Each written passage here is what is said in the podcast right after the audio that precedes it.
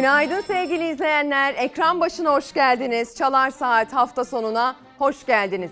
28 Mayıs geldi çattı. Türkiye ilk defa bir seçimde ikinci turu tecrübe edecek. 28. dönem milletvekili listesi seçimi belli oldu. Koltuklar kimlere gitti netleşti. Şimdi artık Cumhurbaşkanlığı koltuğu için küçük bir pusula gelecek bugün seçmenlerin önüne. Ya o ya bu bir tercih yapılacak. Bu seçim öyle bir seçim ki dünyanın dahi sonucuna kitlendiğini biliyoruz. Bu seçim öyle bir seçim ki Türkiye bundan sonraki istikametine karar verecek sevgili izleyenler. Ekonomi, soğanın fiyatı, ittifaklar, ideolojik görüşler bunların hepsi bu Konu başlıklarının hepsi bu süreçte çok tartışıldı, çok konuşuldu. Ama biz geçtiğimiz seçimde de yani ilk turda da söylemiştik, şimdi de söyleyeceğiz. Demokrasidir, seçimin e, temel taşıdır e, sevgili izleyenler. Dolayısıyla çok önemlidir. Demokrasinin çok önemli olduğunu bildiğimiz için demokrasinin ne yediğimiz, ne içtiğimiz, nasıl beslendiğimiz, nasıl yaşadığımız, güne nasıl uyandığımızla dahi çok ilgili olduğunu bildiğimiz için demokrasinin temel taşı olan o sandık bizim için kutsaldır, önemlidir vatani bir görevdir. Bu vatani görev için lütfen biraz bugün zahmete girin diyeceğim sizlere sevgili izleyenler ki zahmete girenlerin görüntüleri gelmeye başladı. Bakın e, şu anda bize naklen aktarılan görüntüler deprem bölgesinden. Oy kullanma işlemi saat 8 itibariyle başladı. İkinci tur oy verme işlemi için depremzedeler gördüğünüz gibi konteyner kent şeklinde oluşturulmuş e, okullarda şu anda o seçime dair karar veriyorlar. Neyi seçeceklerine karar vermek için sıraya girenleri görüyorsunuz. Bakın sandık kurulları içeride görevlerini yerine getirmeye başladılar. Çok erken saatlerden itibaren görevliler okullarda, sınıflarda yerlerini aldı. Saat daha 7 dahi olmamıştı onlar görevine başladığında. Pek çok ilden, pek çok ilçeden, deprem bölgesinden, okullardan, çadırlardan, konteynerlardan oy kullanmaya dair görüntüler gelmeye başladı. Şimdi bu oyları kullananlar geri dönecekler, televizyonlarını açıp çalar saat hafta sonu izleyecekler.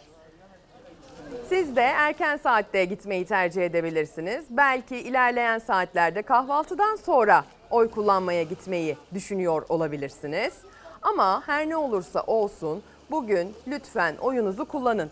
Geçen seferki katılım %88'in üzerindeydi. Bu oldukça yüksek bir katılım. Türkiye daha yükseğini gördü. %92'yi gördü, %93'ü gördü geçtiğimiz 10 yıllarda. Ama yine de %88 içinde dünya standardına baktığımızda oldukça yüksek bir katılım deme şansımız var. Ancak tavsiye edilen, ihtiyaç duyulan bugün bu katılımın daha da artması. Demokrasi ise bu, bir karar vermekse bu ülkenin yönetimiyle ilgili ne yapacağız? Hep beraber orada olacağız ki tam bir irade ortaya çıksın. Tam bir irade demek sizin de orada olmanız gerekiyor demek. Bir Türkiye vatandaşıysanız eğer, hele bir de Türkçe konuşmayı biliyorsanız, burada doğup burada büyüdüyseniz bence asla bu oy kullanma meselesini es geçmeyin, boş vermeyin, koy vermeyin sevgili izleyenler. O yüzden lütfen oyunuzu kullanmaya gidiniz diyelim. Biz seçim yasakları çerçevesinde bir yayın gerçekleştireceğiz. Dün akşam saat 18'den itibaren YSK'nın kuralları, ilgili kanunlar gereğince seçim yasakları başladı. Sadece bizim için değil, herhangi bir siyasetçi için de aynı şey geçerli. Propaganda yapmaya dair bir takım yasaklar devreye girdi. Dolayısıyla onların dün itibariyle yaptıkları ziyaretler, propagandalar, onların e, verdikleri mesajları da aktarma şansımız şu dakika itibariyle artık yok. Şu saat itibariyle çünkü zaman oy kullanma zamanı. Kimsenin takdirini etkileyecek bir söz, bir mesaj bu ekrandan duymayacaksınız. Kendi takdirinizi ortaya koyacaksınız. Zaten Türkiye'de olup da siyasetten çok uzak olmak, bir haber olmak maalesef pek mümkün değil maalesef pek mümkün değil. Keşke böyle olabildiğince bilgimiz olsaydı. Çok böyle günlük hayatımızın içine girecek kadar bizim için önemli hale gelmeseydi bu siyaset ama böyle oldu. Belki de seçim konusunda karar verirken bunu da bir kriter olarak değerlendirirsiniz sevgili izleyenler. Şimdi şimdi bir gurur haberiyle başlayacağım. Size Merve Dizdar diyeceğim, Cannes Film Festivali diyeceğim. Merve Dizdar öyle bir oyuncu ki sevgili izleyenler, mütevaziliğiyle, tevazusuyla bizi hikayeden hikayeye sürüklediği ve gerçekten can kan verdiği karakterleriyle Türkiye'nin son dönemde bağrına bastığı çok başarılı ve çok yetenekli bir kadın. Bu kadar yetenekli olup, bu kadar başarılı olup, bu kadar tevazu sahibi olmak tüylerimi diken diken ediyor. Merve Dizdar, Nuri Bilge Ceylan'ın yönetmenliğini yaptığı Kuru Otlar Üzerinde filminde başrol oyuncusuydu. 76. Cannes Film Festivali'nde en iyi kadın oyuncu seçildi. The performance for Best Actress goes to Merve Dizdash from the film About Dry Glasses by Nuri Bilge Ceylan.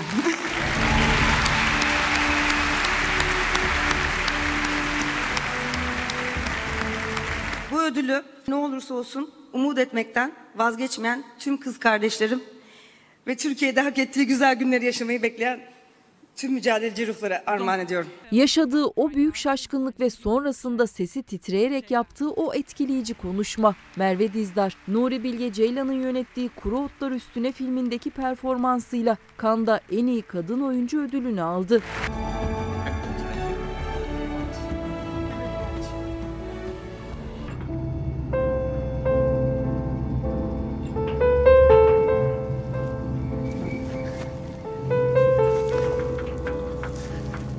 Çok şaşırdım çünkü e, çok iyi oyuncular var. E, Onlarla birlikte olmak e, yeterince heyecanlıydı.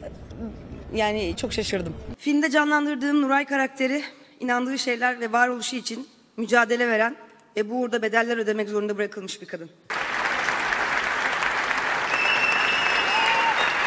76. Cannes Film Festivali'nde Altın Palmiye için yarışan filmlerden biriydi Kuru Otlar Üstüne. Daha önce de Cannes'da ödül alan yönetmen Nuri Bilge Ceylan ve oyuncular film gösterimi sonrası dakikalarca ayakta alkışlanmıştı. Başroldeki Merve Dizdar Cannes'da en iyi kadın oyuncu ödülünün sahibi oldu. Bu ödülü alan ilk Türk kadın oyuncu olarak sinema tarihine adını yazdırdı.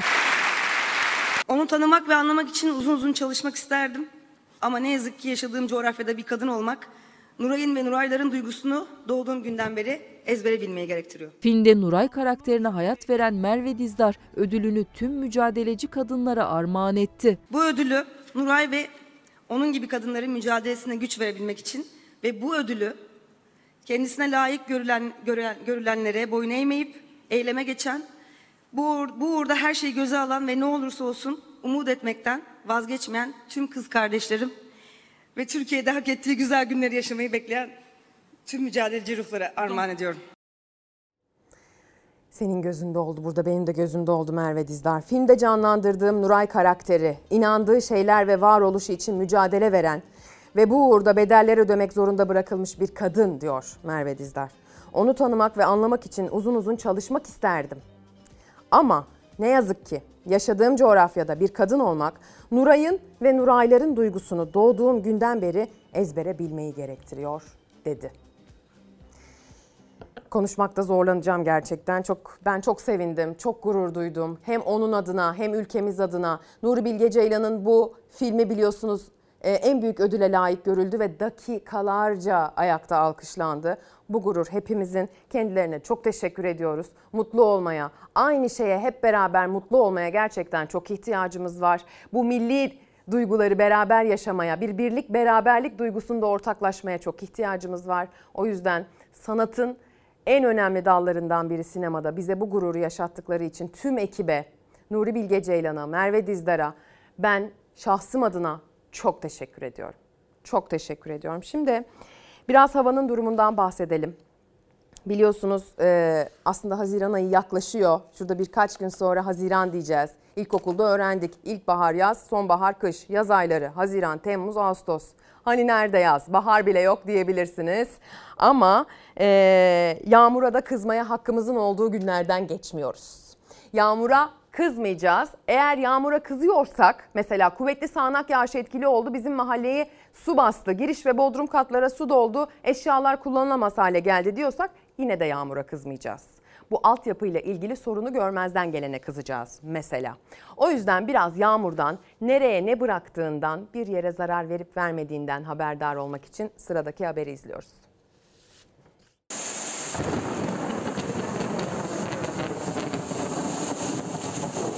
Arkadaşlar dolu sebebiyle arabaları tıkandı Dirmil'de. Çıkamıyoruz, gidemiyoruz. Yollar kapalı.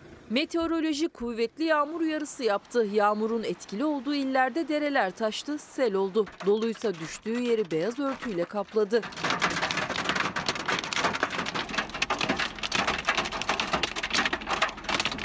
Hemen hemen tüm illerde sağanak yağmur bekleniyordu. Sel riski yüksekti. Öyle de oldu. Bilecik'in Bozüyük ilçesinde akşam saatlerinde etkili olan dolu ve şiddetli sağanak yağış nedeniyle bazı ekili arazilerde ve Kovalıca köyü yollarında hasar oluştu. Bolu Mudurnu'da sokaklar göle döndü. Karabüğün Eflen ilçesinde sağanak yağmur sonrası dereler taştı. Karagöz mahallesinde taşan dere nedeniyle köprü yıkılma tehlikesiyle karşı karşıya kaldı. Iğdır'da da yağmur ve fırtına etkiliydi. Yani Allah göstermezse uçsa direkt kopar kara bir. Afyonkarahisar'ın Şuhit ilçesinde aniden bastıran sağanak yağış ve dolu sonrası yollar dereye döndü. Birçok ev ve ahırı su bastı. Ahırlarda mahsur kalan hayvanları köylüler kurtardı. Bilecik Bozüyük'te ise çöken ağıldaki 15 küçükbaş hayvan öldü. Sel nedeniyle ağaçların devrildiği ilçede bazı üreticilerin 15 bin metrekare alandaki domates ve salatalık ekili seraları zarar gördü. İzmir'in Torbalı ve Bayındır ilçelerinde ise akşam saatlerinde dolu yağdı. Yaklaşık 20 dakika süren dolu yağışı sırasında dışarıda olanlar sığınacak yer ararken araçlarıyla yolculuk yapanlar ilerlemekte güçlük çekti. Arkadaşlar dolu sebebiyle arabaları tıkandı Dirmil'de. Çıkamıyoruz, gidemiyoruz. Yollar kapalı. Yurdun güneyinde ve doğusunda yağmur düşmeyen 8 il var sadece. Diğer bütün iller bugün sağanak yağışlı. Meteorolojide uyarı üstüne uyarı yapıyor. Gaziantep, Osmaniye, Kahramanmaraş ve Malatya ile Antalya, Muğla, Denizli, Afyonkarahisar, Kütahya, Manisa, Aydın ve İzmir'de uyarının rengi sarı. Özellikle Antalya'da kuvvetli yağışın pazartesi günü sabah saatlerine kadar devam etmesi bekleniyor. Su baskını, yıldırım, yerel dolu yağışı, ani rüzgar, kısa süreli fırtına ve ulaşımda aksamalar gibi olumsuzluklara karşı dikkatli ve tedbirli olunmalı.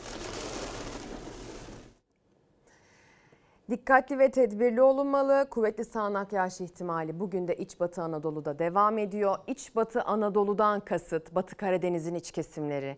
Eskişehir'i, Ankara'yı, Konya'yı bir miktar içine alan bölge. Ege bölgesinin iç kesimleri Kütahya, Bilecik, Afyon, Uşak. Buralar önemli. Isparta, Burdur, Denizli'ye de sarkabilir bu kuvvetli sağanak yağış ihtimali. Gün içerisinde gelip geçici bir yağış şeklinde etkili olacak. Sıcaklıklarda çok önemli bir değişiklik dünden bugüne beklenmiyor. Marmara bölgesinde dünküne benzer bir gökyüzü, dünküne benzer bir sıcaklık hissedilecek. Onun da bilgisini toptan vermiş olalım. Mesaj gönderiyorsunuz. Bu arada sandığa gidiyoruz başlığını bugün de kullanacağız. Çünkü bugün sandığa gidiyoruz aslına bakarsanız. Ama gelin görün ki Twitter ve Instagram üzerinden bana gönderdiğiniz sandığa gidiyoruz başlığı altındaki mesajlarınızı eğer bir siyasi isim, bir siyasi yönlendirme istikamet içeriyorsa okuyamam. Temenni içerebilir, ülkeyle ilgili, gelecekle ilgili ama bir isim içeriyorsa oku- okuyamam. Mesela Erdal Özkol bir mesaj göndermiş. Erdal Bey heyecanınızı anlıyorum. Günaydın Çalar Saat çok büyük farkla nokta nokta kazanacak gibi bir paylaşım yapmışsınız. Mesela bunu okuyamam gibi. Zekiye Aksu bir mesaj göndermiş. Dağlarda ağaç kalmadı, su tutsun, şehirde toprak kalmadı, suyu yutsun mesajını göndermiş bu havaya dair haberimizden sonra. Göktuman Gülay, Merve Dizdar göğsümüzü kapar, kabarttı. Hayatta güzel şeyler de oluyor dedik. Çok tebrikler mesajını göndermiş. Şevket Bey Alanya'dan selamını eksik etmemiş. Burak Özarslan, dileğim sevginin daima kazandığı, geleceğimize umutla baktığımız yıllar olsun diyor. Caddebostan'dan gönderdiğini vurguluyor mesajını. Oy kullanmaktan geldim diye e, bir Esin Ecrin tarafından gönderilmiş bir mesaj var. İyi yayınlar dilekleri, hayırlı sabahlar, günaydın dilekleri gelmeye devam ediyor. Hepsine çok teşekkür ediyorum. Belgin Hanım ülkemize hayırlı uğurlu olsun inşallah demiş. Amin diyelim. Zonguldak Çaycuma'dan mesajınızı, selamınızı aldık. Antalya'dan Can Bey selamınızı aldık. Dün akşam yasak bittiğinden beri sosyal medyada algı yönetimi devam ediyor maalesef demiş. Bu arada Merve Dizdar karşı yakalı diyor. Peki tamam karşı yakaya da selamlar. Dileğim sevginin ta- e, kazandığı bir ülke diyor. Allah kolaylık versin diye bize mesaj gönderen izleyicilerimiz var. Saliha Hanım çok teşekkürler amin. Adana'dan Nazan Hanım bir mesaj göndermiş. Tabii ki sandığa gidiyoruz demiş bizim başlığımızı kullanarak. Geleceğim, çocuklarım, vatanım ve kendim için diyor. Ayşe Küçük bizlerle. Sandığa gidiyoruz aydınlık yarınlar için, umut için hep beraber yürüyelim mesajını Karagöz kullanıcı adıyla e, bir izleyicimiz gönderiyor diyelim. Hadi o zaman Türkiye'nin seçimiyle ilgili detayları öğreneceğimiz habere gidelim. Şimdi isterseniz gazeteler de bugünü nasıl değerlendirdiler şöyle bir görün. Karar Gazetesi'nden başlayarak aslında okuyalım. Pek çok gazetenin manşetinde bugün sandığa gidiyor olmamıza dair detaylar var. Haydi sandığa Türkiye'nin kader seçimi manşetini Karar Gazetesi'nin editörleri atmış. Türkiye siyasi tarihinde ilk kez ikinci tur heyecanı yaşıyor. 60 milyondan fazla seçmen Cumhurbaşkanını belirlemek üzere sandık başına gidiyor. 14 Mayıs'ta olduğu gibi yine yüksek katılımın beklendiği demokrasi şöleninde vatandaş sandığa iradesini yansıtacak. Gelecek 5 yılın istikameti çizilecek. Türkiye ilk kez ikinci tur oylamasında sandık başına gidiyor. 5 yıl boyunca görev yapacak Cumhurbaşkanının belirleneceği seçimde Türkiye genelinde 191 bin sandık kuruldu. İkinci turda 18 yaşını dolduran 47.523 gençle birlikte yurt içindeki seçmen sayısı 60 milyon 769 bini buldu.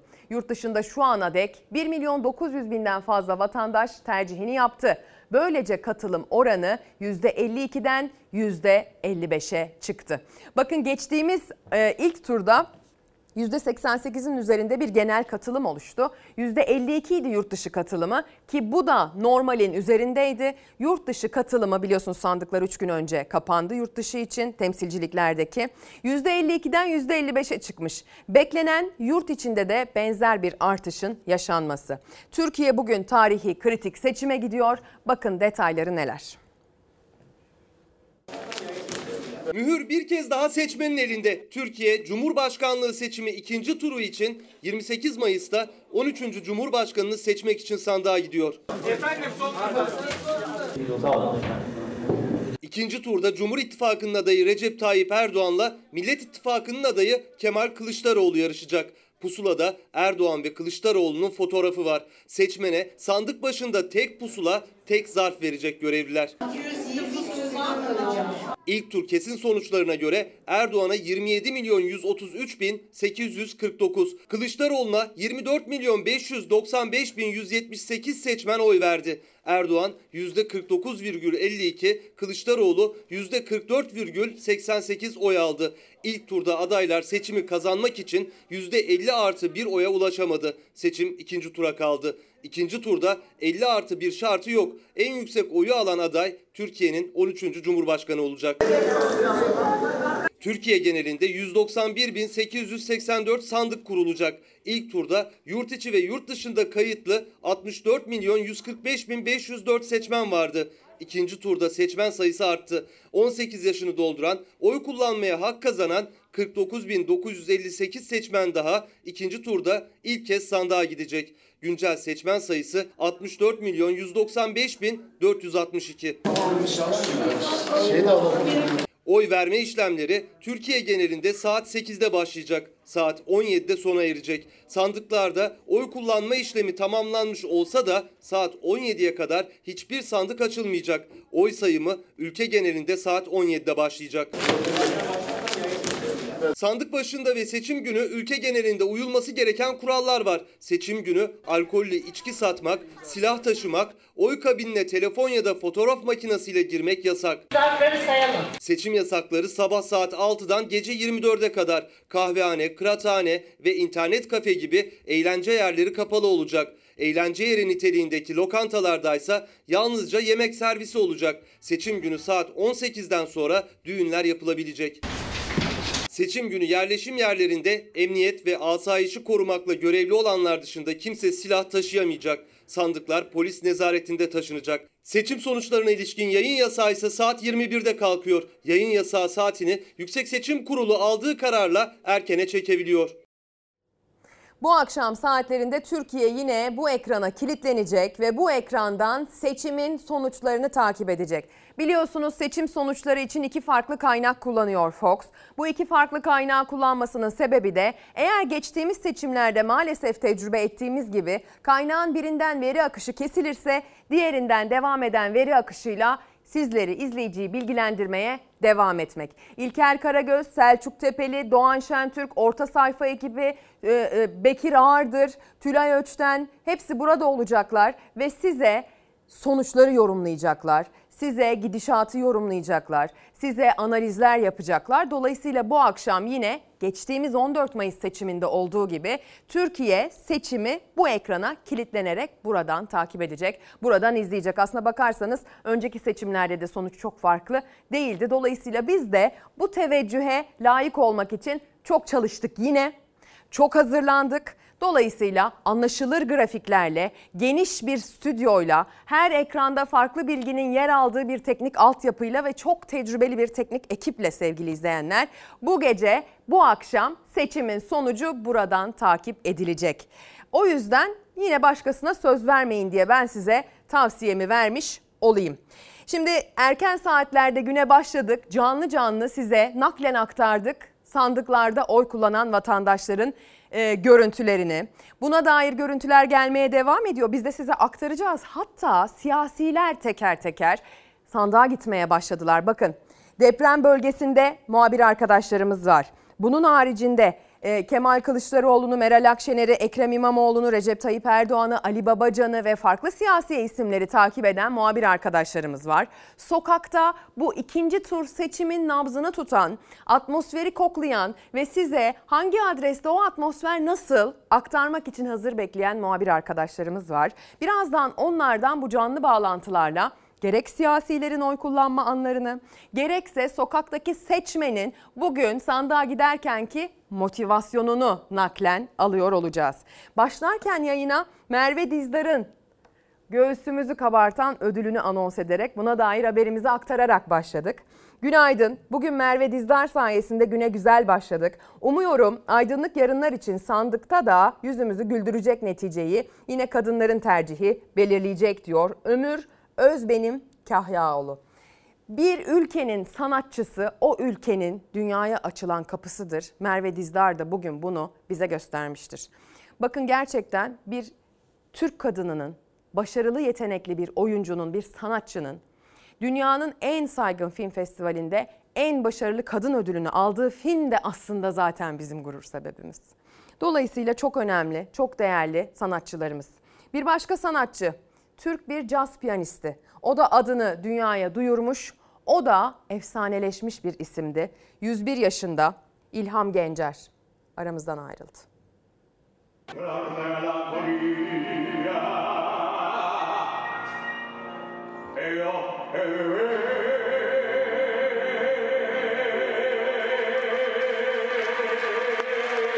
Ve idealist bir insanım.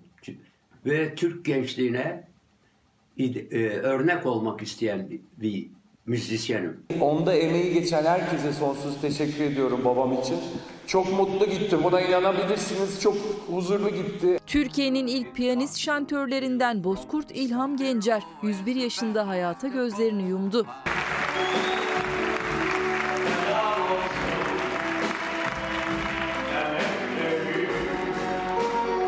Türkiye'de caz müziğinin yayılmasına önemli katkılarda bulundu Bozkurt İlham Gencer. Türkçe sözlü pop müziğini başlatan isim olarak tanındı. Türkiye'ye caz müziğini tanıtan, sevdiren kişi demiş olsam e, abartmamış olur, olurum diye düşünüyorum. Gencer sayısız sanatçıya da çıktığı başarı merdivenlerinde eşlik etti. Bana çok destek vermişti.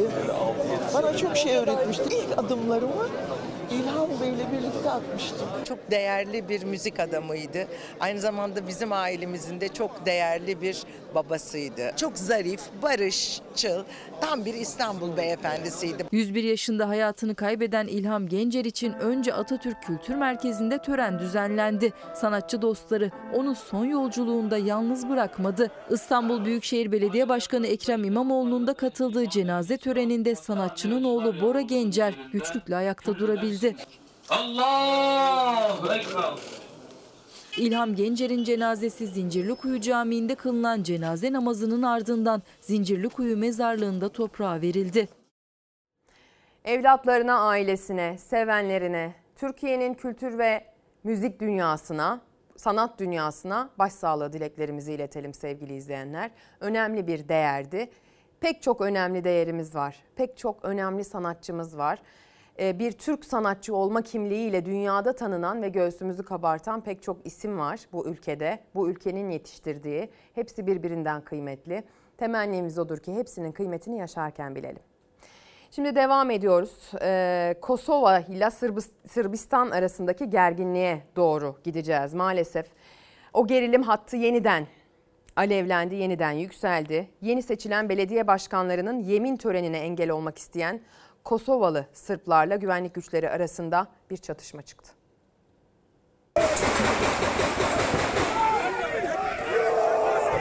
Yeni seçilen belediye başkanları Kosova'yı karıştırdı, Sırp yönetimi orduya sınıra yaklaşın emri verdi. Bölgede tansiyon nüfusun çoğunluğunu Sırpların oluşturduğu 3 ilçede yerel seçimin ardından yükseldi. Kosovalı Sırpların boykot ettiği seçimleri Arnavut siyasi partilerin adayları kazandı. Başkanların yemin töreni öncesi kriz çıktı. Kosovalı Sırplar yeni seçilen başkanların belediye binasına girişini engellemek istedi. Polis müdahale edince arbede çıktı. Öfkeli Sırplar polis araçlarını ateşe verdi. Güvenlik güçleri de kalabalığa göz yaşartıcı gazla müdahale etti. Olaylarda aralarında polislerin de olduğu çok sayıda kişi yaralandı. Bölgede gerilimin tırmanmasının ardından Sırbistan Cumhurbaşkanı Vučić Ulusal Güvenlik Konseyi'ni topladı. Orduyu en üst düzeyde alarma geçirdi. Silahlı kuvvetlerden Kosova sınırına yakın konuşlanmasını istedi. Kosova lideri Vela ise olaylardan Belgrad'ı sorumlu tuttu. Bölgede tansiyon hala yüksek. Kosova güçleri Sırp nüfusun fazla olduğu ilçelerde güvenlik önlemlerini arttırdı. Maalesef bölgeden gelen haber son olarak bu şekilde sevgili izleyenler. Şimdi oy kullanmaya dair son düşen görüntüleri aktaralım sizlere. Saat 8 itibariyle başladı. Saat 17'ye kadar devam edecek oy kullanma işlemi ve okullarda, sınıflarda görevlilerin, takipçilerin, müşahitlerin, gönüllülerin gözetiminde oy kullanma işlemi başladı. Gördüğünüz gibi artık sadece iki kişiden birine dair seçim yapacağımız daha basit, daha az kağıdı zarfa sokmamız gerekecek bir seçim bizi bekliyor bugün. Geçtiğimiz seçimde biliyorsunuz yaklaşık bir metre uzunluğunda bir e, partiler listemiz vardı, ittifakları da barındıran. Tabii ki onu katlamak, işte kurumayan damganın mürekkebini başka bir yere bulaşmayacak şekilde ayarlamak, o zarfa sığdırmak meseleydi. O yüzden girdiğimiz zaman o oy kullanma kabinlerinde biraz daha fazla mesai, biraz daha fazla uğraş gerektiren bir seçimdi 14 Mayıs. Ama bu kez öyle olmayacak. Sadece küçük bir kağıt, o kağıtta tek bir damga. Eğer o kağıdın başka bir yerine bir damga gelirse, o kağıdın üzerinde başka bir işaret olursa ya da arkasında mühür olmazsa oyunuz geçersiz sayılabilir. O yüzden lütfen çok dikkatli olun. Zarfta, seçime dair kağıtta bir mühür olup olmadığına bakın. Elinizdeki mührün çalışıp çalışmadığına, mürekkebinin olup olmadığına bakmak istiyorsanız kolunuza falan basın. Bazen bazı sandık görevlileri kabin içerisine bir müsvedde kağıt bırakıyor. Onun üzerinde de deneyebilirsiniz. Yani siz lütfen eğer o damgada evet işaretinin olup olmadığına, çıkıp çıkmadığına, o damganın çalışıp çalışmadığına dair bir şüphe içeriyor ve bunu kontrol etmek istiyorsanız bunu oy basacağınız o kağıdın üzerinde denemeyin. Çünkü o zaman oyunuz geçersiz oluyor. Yani şöyle göstereyim. Bu benim gazeteler listem. Çok gizli saklı bir şey değil. Burada bir isim, burada bir isim. Ya birine tercih vuracaksınız ya birine tercih vuracaksınız. Bunun haricinde herhangi bir yerde bir evet damgasının olması ya da arkasında bir evet damgasının olması bu oy kağıdının geçersiz denerek kenara konmasına sebep oluyor. Bilmem anlatabildim mi? Şimdi sanat dedik, sanatla sevindik. Bir sanatçımızı uğurladık, ona veda ettik, sevenlerine başsağlığı diledik. Sinema dedik, müzik dedik, her gün edebiyat diyoruz. Sanatsız çünkü olmaz. Bakın Atatürk ne demiş? Uzun uzun okuyayım okumak için. Hani sadece ilk cümlesini değil buradan açtım. Sanatsız kalan bir milletin hayat damarlarından biri kopmuş olur. Bir millet ki resim yapmaz, bir millet ki heykel yapmaz, bir millet ki fennin gerektirdiği şeyleri yapmaz. İtiraf etmeli ki o millet ilerleme yolunda yeri yoktur diyor.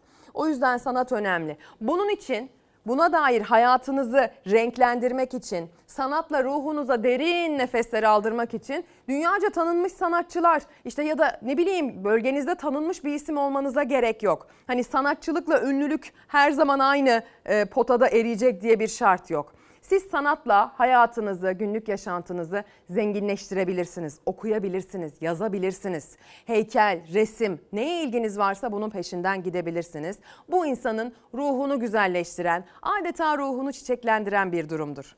O zaman ruhunu çiçeklendirmiş madencilerle devam edelim. Türkiye'de ilk ve tek olma özelliğine sahip madencilerin korosu biraz bizim ruhumuzu çiçeklendirsin. Sefalar sefa geldiniz dostlar. Başlarında sarı kasketleri, üstlerinde beyaz iş önlükleri ama bu kez ellerinde kazma kürek yerine enstrüman var. Madenci korosu birbirinden eğlenceli şarkılarla izleyenlere keyifli anlar yaşattı. Eşliklerinizi bekliyoruz. Bugün coşkulu bir konserimiz olacak inşallah.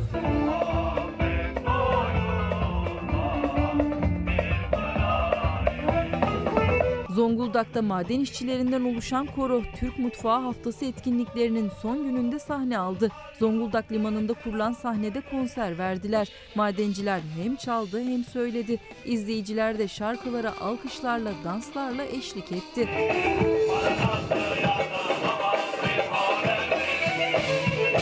Türkiye'de ilk ve tek olma özelliğini taşıyan madenci korosu sergilediği performansla izleyicilerden tam not aldı.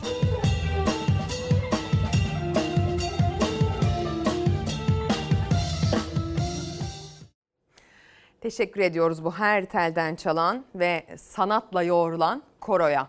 Hadi gelin gazetelere bakmaya devam edelim. Pencere gazetesini açacağız. Karar zamanı diyor bugün Pencere gazetesi manşetten. Cumhurbaşkanlığı yönetim sistemine geçen Türkiye'de seçmenler ilk kez Cumhurbaşkanı seçimi için ikinci turda oy kullanacak. Cumhur İttifakı'nın adayı AKP lideri Recep Tayyip Erdoğan üçüncü kez aday olduğu seçimde %49,52. Millet İttifakı'nın adayı CHP lideri Kemal Kılıçdaroğlu %44,88 oy alarak ikinci tura kalmıştı. Türkiye'de yaşayanlar bugün kendilerinin ve çocuklarının geleceklerini belirleyecek. Belki de Cumhuriyet tarihinin en önemli kararına imza atacaklar.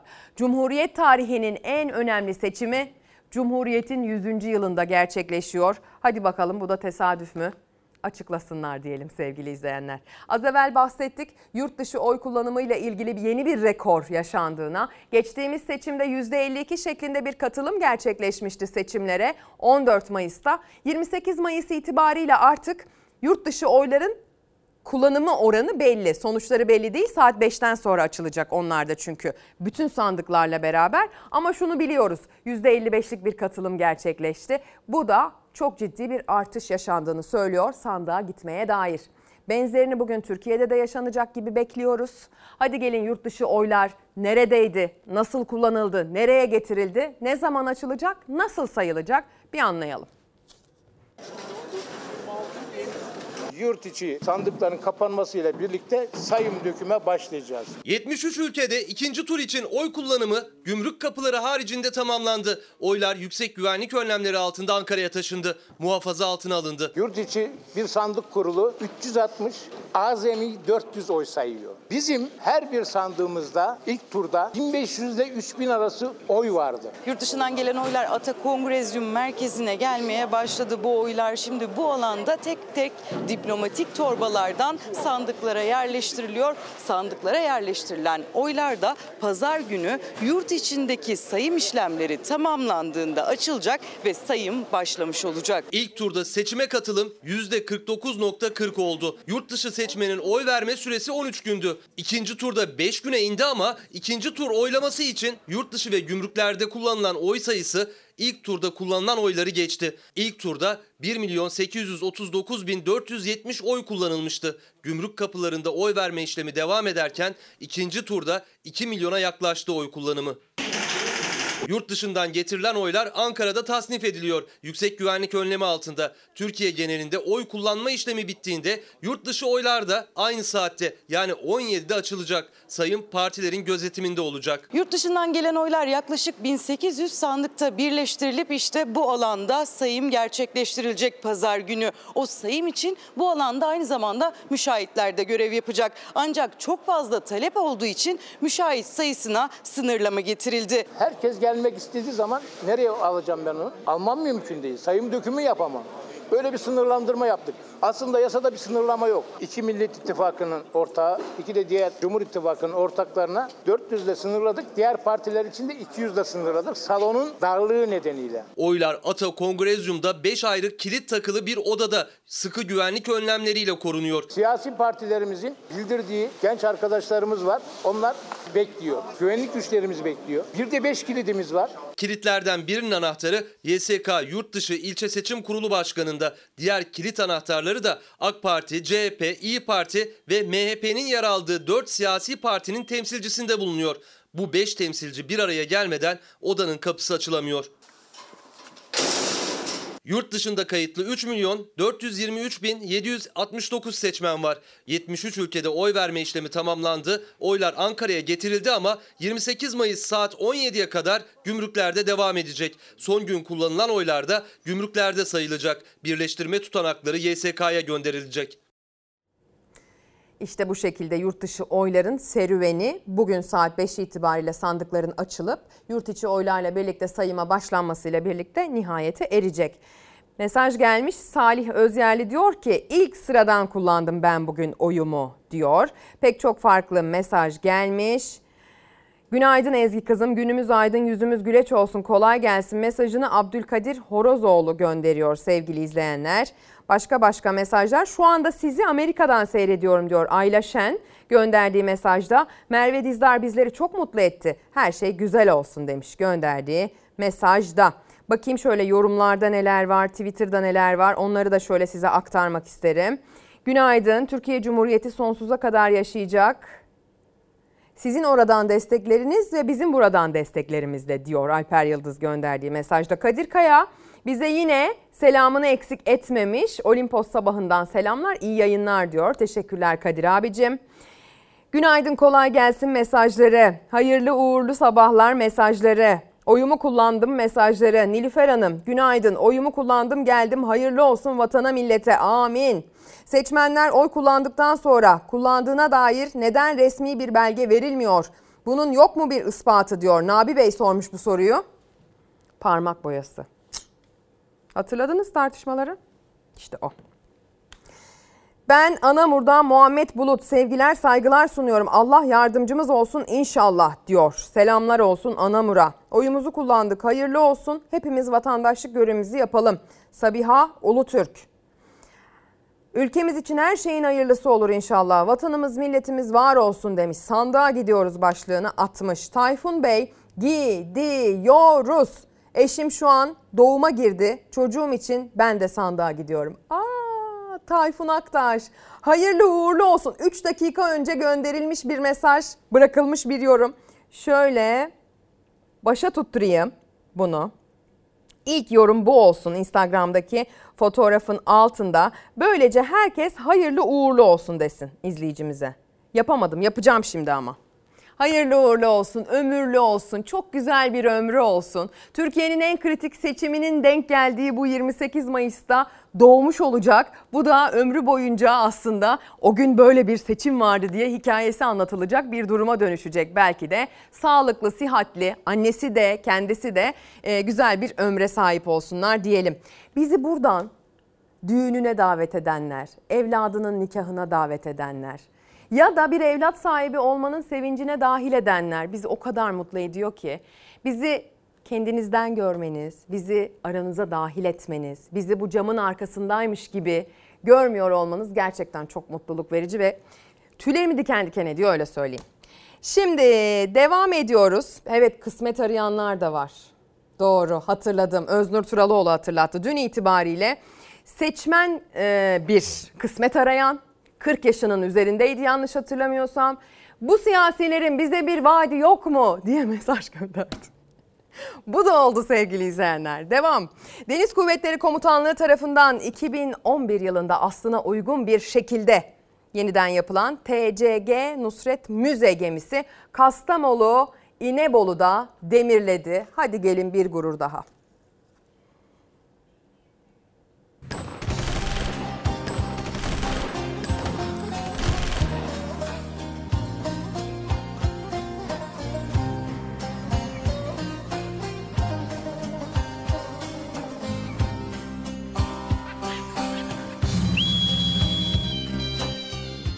1915'in en zor işi onundu. Çanakkale Savaşı'nın kahraman askerlerinin kahraman gemisi Nusret Mayın Kastamonu'da ziyaretçi akınına uğradı.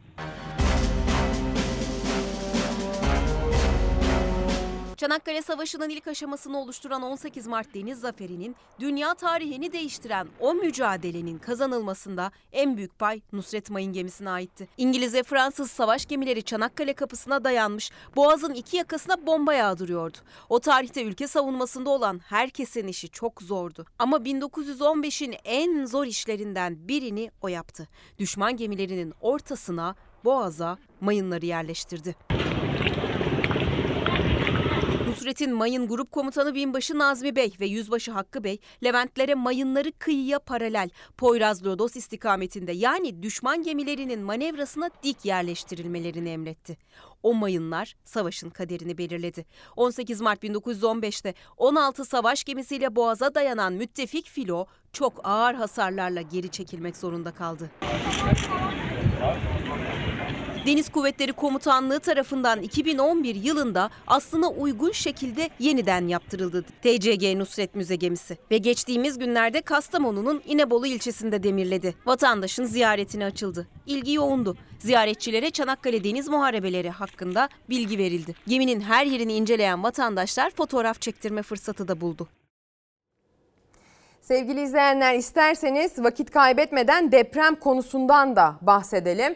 Biz bu seçim sürecinde çok fazla siyasete gömülmek gibi bir duruma sürüklendik. Sadece haber bülteni olarak ya da bir haber merkezi olarak biz değil, meslektaşlarımızın tamamı bütün gündemlerini bu siyasi söylemlere, propagandalara, yeri geldiğinde tartışmalara, çatışmalara ayırmak durumunda kaldı.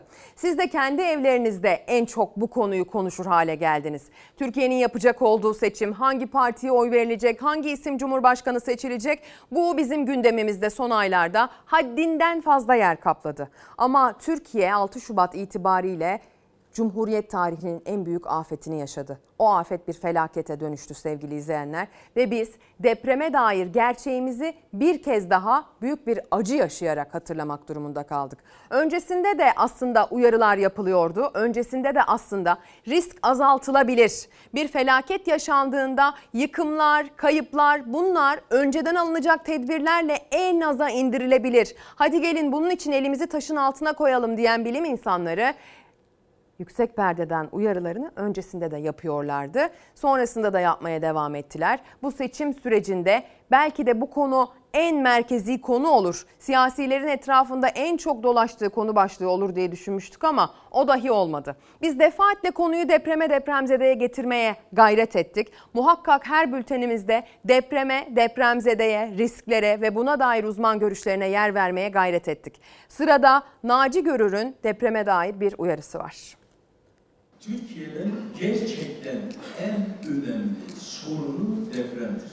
Türkiye Cumhuriyeti hükümeti veya devleti bu deprem işini eğer çözemez ise bizim millet olarak bu asrı ekonomik ve siyasi olarak bağımsız olarak sürdürmemiz, devam ettirmemiz, çıkarmamız mümkün değildir.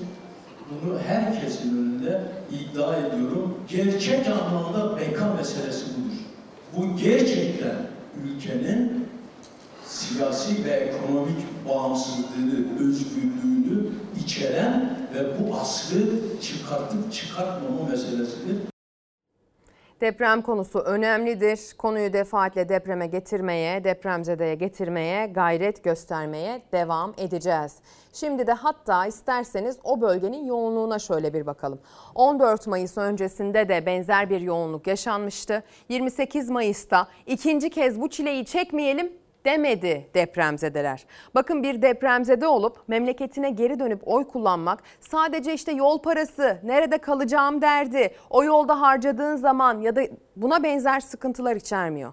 Aynı zamanda siz kaçtığınız, kaçmak zorunda kaldığınız, terk etmek mecburiyetinde olduğunuz yıkılmış vatanınıza geri dönüyorsunuz ve o yıkımla tekrar yüzleşiyorsunuz. Eğer varsa can kaybınız bu acıyla tekrar yüzleşiyorsunuz. Eğer varsa mal kaybınız bunu yeniden hatırlıyorsunuz. Yani depremzede olup bölgeyi terk etmişlerin oy kullanmak için geri gelme çabası görünenden daha fazlası. Defneliyim, Hataylıyım. Seçim için geldik. Oyumuzu kullanacağız. Demokrasi için, geleceğimiz için, çocuklarımız için, geleceği için oyumuzu kullanıp tekrar şehir dışına çıkacağız. Biz aktarmalı geldik buraya. 20 saattir yoldayız. Bir oy bir oydu. Hatayımızı bırakmayacağız tabii ki de bırakmak olmaz. Ve inşallah toparlanacağız. Hatay'ı bir daha toparlayacağız. Yüzlerce kilometre uzaktan ikinci kez yollara düştü depremzedeler. Deprem bölgesindeki otogarlarda yeniden seçim yoğunluğu oluştu. En büyük yıkımı yaşayan Hatay Antakya'da da seçime katılmak için gelenlerin kalabalığı var. Biz oy için geldik. Seçim için geldik. Görevimizi yapmak için geldik biz. Burada yani görev olarak görüyoruz. Ben Eskişehir'den geldim. İşte ablam da kız kardeşim de gelecek onları bekliyorum. Seçimin ikinci turuna Cumhurbaşkanlığı seçimlerine sadece bir gün kaldı. Hatay Antakya otogarı bugün çok hareketli. Depremzedeler vatandaşlık haklarını yerine getirmek için bugün memleketlerine döndüler ve yarın oylarını kullanacaklar. Trabzon'dan geldim. Seçim için geldim buraya. 20 saattir oradayız, 21 saattir oradayız. Bir oy için geldim buraya. Tek bir oy için. Bursa İnegöl'den geldim. Kaç saattir yoldasınız? 15 saatlik yoldayız. Evet. Yorgunsunuz. Ne yapalım? Yorgunluğa da değiyor. İki depremzede muhabbet kuşu da var Antakya otogarında. Filiz yetim ailesiyle çocuklarıyla birlikte Çorum'dan geldi. Kuşlarını da tabii ki bırakamadılar. Efendim seçim için mi geldiniz? Evet seçim için geldik. Oyumuzu kullanıp geri döneceğiz. Kaç saat sürdü yolculuğunu? 13 saat. Çoğunun kalacak yeri bile yok. Yakınlarının, arkadaşlarının çadırına misafir olacak bir kısmı. Çadırım da yok bile. Ben Ankara'da yaşıyorum. Akraba, dost yanında kalıyoruz. Herkes gelsin. Ben Ankara'dan dört çocuklarımla beraber geldim. Hatay, Antakya'da yıkım büyük. Depremin üzerinden aylar geçmesine rağmen kent bu halde ve birçok okul ağır hasarlı. İşte bu yüzden Cumhurbaşkanlığı seçimleri o ağır hasarlı okulların bahçesindeki bu konteynerlarda yapılacak. Sandıklar bu konteynerlere kuruldu. Yarın depremzede seçmenler burada oylarını kullanacak. Yıkıntıların yaklaşık 4 aydır tüm Türkiye'yi yakan acılarının arasında geleceklerinin kararını verecek depremzedelerde. Söz haklarını kullanabilmek için tüm zorluklara rağmen ikinci kez memleketlerine geldiler. Seçim günü yoğunluğun daha fazla olması bekleniyor. Oy vermek için geldik buraya. Allah hayırlısını versin diyelim. Bu çabayı görün ve lütfen takdir edin sevgili izleyenler. Çok değerlidir, çok kıymetlidir. 300 metre, 500 metre ötesindeki okula gidip bana ne ben kullanmayacağım diyenlere de örnek olsun. Hadi o zaman bölgeye gidelim. Bu haberi de bize aktaran arkadaşım Sevgi Şahin ve kameraman Ercan Canik şu anda Hatay, Antakya'dalar. Deprem bölgesinde depremin büyük yıkıma uğrattığı o ilde, o ilçede bu sabah seçim nasıl başladı, seçim atmosferi nasıl yansıdı bize Sevgi Şahin anlatacak. Ezgi günaydın. Tüm Türkiye'ye günaydın diyoruz. Seçimin ikinci turunda Cumhurbaşkanlığı seçimleri için Hatay Antakya'ya geldik. Kameraman Ercan Canik'le birlikte. Şu anda da Hatay Antakya Ürgenpaşa mahallesinde ağır hasarlı bir lisenin bahçesindeyiz. Konteynerlerde seçim saat 8 itibariyle başladı. Depremzedeler işte görüyorsunuz okul bahçesindeki depremzedeleri sandıklar açıldı. Konteynerlerde depremzedeler oylarını kullanmaya başladılar. Ama gördüğünüz gibi sineklerin e, bir istilası var burada. İnanılmaz bir sinek var. Kamerada da göreceksiniz.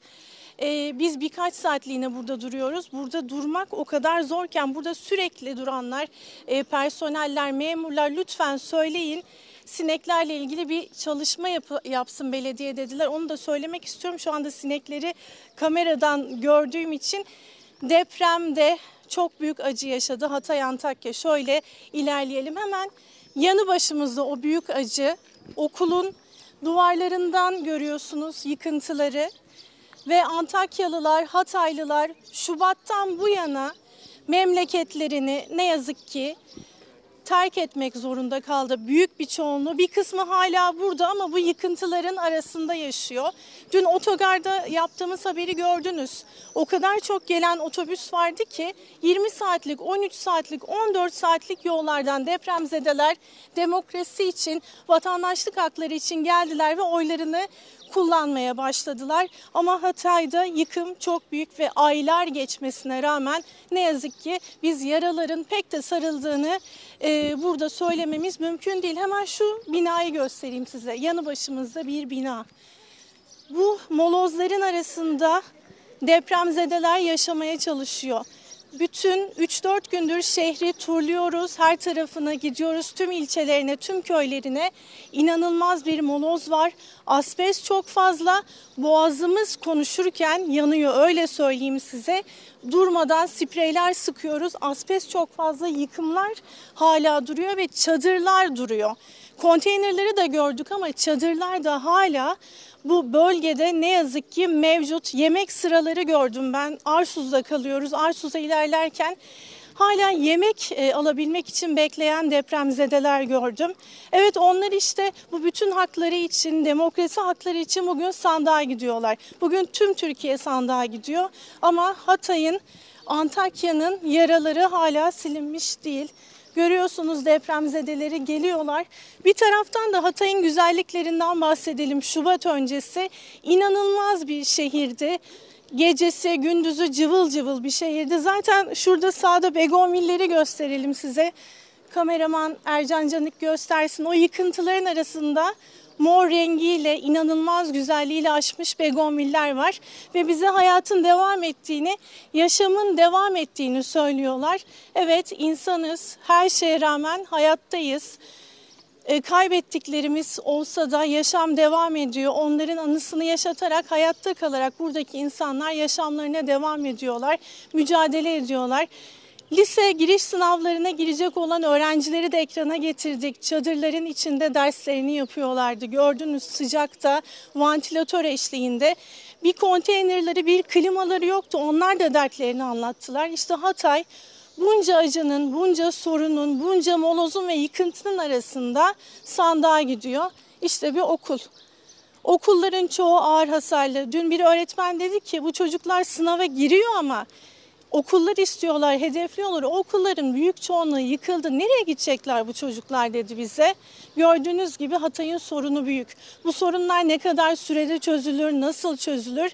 İnanın onu da işte devlet yetkilileri peyderpey planlamalarla ama bir an önce yapmak durumundalar. Yoksa bu insanlar gerçekten zor şartlarda yaşıyorlar en azından şu sinekler o zorluğu bize anlatıyor. Personeller gerçekten duramıyoruz diyorlar artık burada. Çoğu insan maskeyle geliyor görüyorsunuz okulun girişini gösterelim. Hala bu molozlar olduğu gibi duruyor. Yıkıntıların büyük bir çoğunluğu kaldırılmış değil ağır hasarlı binalar duruyor. Onlar da yıkılacak. Onların yıkıntısıyla birlikte çıkacak o molozlar yine olacak. Yine şöyle caddeye gidelim biraz. Polis ekipleri, polis ekip, Hı hı. Polis ekipleri de şu anda caddede bekliyorlar. Gördüğünüz gibi bir araç yoğunluğu var burada. Bir yandan dediğimiz gibi o güzelim begonviller, yıkıntılar, insanlar. Hatay sabah saat 8'den bu yana sandığa gitmeye başladı. Demokrasi için, vatandaşlık hakları için sandığa gidiyorlar Ezgi. Aktarılacak, aktaracaklarımız bu kadar. Umarız Türkiye için güzel bir sonuç çıkar. Sevgi Şahin aktardı. Ercan Canik görüntüledi sevgili izleyenler. Hatay Antakya'dan yıkıntıların arasındaki demokrasi şölenini. Bir de orada hayatın devam ettiğine dair kocaman bir begonvil vardı. Hatta Sevgi son cümlelerini sarf ederken de arkadaydı. Yaşamın nasıl devam ettiği aslında her şeye inat. Bazen de hani büyük kayıplar da yaşadıysanız bu inatla bu coşkuyla devam etmesine sinir de oluyor olabilirsiniz ama evet bu bir gerçek. Yaşam her şeye inat, her şeye rağmen bütün coşkusuyla akıp gidiyor, zaman geçiyor. Bunun kıymetini bilmek gerekiyor sevgili izleyenler ve umudu da kaybetmemek gerekiyor. Bakın gördüğünüz gibi güneş yine doğuyor, çiçekler yine coşkuyla açıyor, hayat devam ediyor. E bu da ne demek? Hepimiz bir şekilde bir ucundan tutup mücadeleye de devam edeceğiz demek. Bu bir direniş. Bu adeta yaşanan tüm olumsuzluklara karşı bir direniş, gülümsemek, kocaman günaydın demek, çiçekli bahçelere bakarak heyecanlanmak adeta bir başkaldırı. Devam edelim. 6 Şubat depremlerinin ardından biliyorsunuz buna dair önlemler, buna dair uyarılar, buna dair altyapı çok tartışıldı. Altyapı işte görüyorsunuz sinekleri gördünüz. Çok basit bir mantık yürütmeyle o bölgedeki o sinek yoğunluğunu ki kamera az seçer böyle şeyleri. Yani siz bunu aynı şeyi cep telefonu kamerasında da yaşarsınız. Mesela çok şiddetli bir yağmur yağıyordur. Siz kamerayla çekersiniz. Gördüğünüzü çektiğiniz o telefonun videosunda göremezsiniz. Ya da bir sinek yoğunluğu. Kamera böyle şeyleri az seçer, bilenler bilir. Yani gördüğünüzden aslında çok daha fazlası olduğunu anlatmaya çalışıyorum. Neden oluyor bu? Hijyen diye bağırdı insanlar değil mi? Altyapı diye bağırdılar insanlar. İşte buyurun. Ki daha yazın en sıcak günleri başlamadı bile. Şimdi buna dair yapacağımız hazırlıkların ne kadar önemli olduğunu anladık. Evet tabii ki afet Allah'tan gelen bir şey. Başımızın üstünde yeri var. Ama ne yapacağız? Bu yolda ilerlerken hiç aklımızı kullanmayacak mıyız? Olduğu gibi kabul mü edeceğiz? Önce tedbir sonra tevekkül değil midir? Tedbir almak gerekiyor, hazırlık yapmak gerekiyor. Beylikdüzü Belediyesi tedbir alıyor, hazırlık yapıyor. Bir e, proje geliştirmiş. Yaşam Evi projesi. Bakalım detayları neler? Belki aklınıza yatar. Şu an Hatay'da e, mümkün değil o inşaat konteynerında insanların e, bulunması, yatması, uyuması, içerisinde yer alması mümkün değil. Çadırlar da hakeza aynı. Kışın e, soğuk, yazın sıcak. Dolayısıyla bu e, aslında insani yaşam koşullarını oluşturuyor depremzedeler açısından. Depremzedeler ya çadırlarda kalıyor ya da konteynerlarda. Kalıcı konutlar yapılana dek şartlar onlar için çok zorlu. Beylikdüzü Belediyesi deprem bölgesi için yaşam evleri tasarladı. Evler hem pratik hem de konforlu. Üstelik yaşam evlerinin deprem bölgesindeki fabrikalarda üretilmesi planlanıyor. Yani bölgeye barınma gibi iş imkanı da sağlanacak. Bir fabrika bandında üretiyorsunuz. Türkiye'nin şu an itibariyle 3 bölgesinde yapmayı düşünüyoruz. İstanbul, Hatay ve Maraş merkezinde bunun üretim bantları kurulacak ve her gün bu üretim bandından yüzlerce konteyner üretebilme kapasitesine sahip olacak. Bir taraftan istihdam imkanını sağlayacağız. Kahramanmaraş merkezli iki büyük depremden sonra evsiz kalanlar için harekete geçti. Beylikdüzü Belediyesi yaşam evi projesi için ilk örnek hazırlandı. Deprem sonrası barınma en büyük sorunların başında geliyor. Bunun için Beylikdüzü Belediyesi bir proje geliştirdi. Bu şekilde tek katlı evler üretilecek ve o evlerin ilk örneği ev 55 metrekare 2 artı 1 ve modüler bir yapıda olduğu için ihtiyaca göre bu evler daha da genişletilebilir. Bunlarla siz aynı zamanda hem kreş inşa edebiliyorsunuz, işte sağlık ocağı inşa edebiliyorsunuz, ticari üniteler inşa edebiliyorsunuz. Banttan çıktıktan sonra sadece montajı kalacak. İki ay gibi kısa süre içerisinde bunun üretim bantlarını e, kurmuş olacağız. Kredilendirme, e, hibe kredilerine de başvuruları yapılacak. Deprem bölgesinin yeniden yapılandırılması için geliştirilen projelerin yanı sıra İstanbul'u bekleyen olası deprem için de acil durumda kullanılabilecek konteynerları her mahalleye yerleştirmeye başladı Beylikdüzü Belediyesi. Afet sonrası en büyük iş arama kurtarma ekiplerine düşüyor. İşte o ekiplerin hem konaklayacağı hem de teçhizatlarının bulunabildiği bu şekilde istasyonlar da tasarlandı. Burada jeneratörler var, aletler var. Bu şekilde aşı dolapları var ve bu istasyonların her mahalleye kurulması planlanıyor. Afet anında bizim ihtiyaç duyduğumuz bütün malzemeler bu modülün içerisinde var. Bize e, şehir dışından gelecek olan arama kurtarma ekiplerine tahsis edeceğimiz modül Türkiye'nin dört bir tarafında bu konteynerların her mahallede yer alması lazım aslında. Böyle projelerin daha fazlasına ihtiyacımız var. Gelişmiş iş gücümüz, gelişmiş bilim insanlarımız, buna uygun üniversitelerimiz, üniversitelerde kürsülerimiz, bölümlerimiz, dünyaca ünlü, sözü dünya tarafından dinlenen, literatürde adı bolca geçen, pek çok bilimsel makalede binlerce defa alıntılanan bilim insanlarımız var. Buna dair yetişmiş iş gücümüz var. Yapabiliriz. Bu projelerle bu deprem gerçeğini daha az hasarla atlatmanın yolunu bulabiliriz sevgili izleyenler. Buna dair umudumuz taze. Yeni Çağ Gazetesi'ne bakalım. Yeni Çağ Gazetesi'nin manşeti tabii ki bugünkü kritik seçimle alakalı. Ülke yol ayrımında son söz seçmende diyor Yeni Çağ Gazetesi manşetten. Cumhurbaşkanlığı ikinci tur seçimi için bugün sandık başına gidecek olan 64 milyon seçmen ya Erdoğan'ın 21 yıllık yönetimine devam diyecek ya Kılıçdaroğlu'yla değişimin kapısını açacak.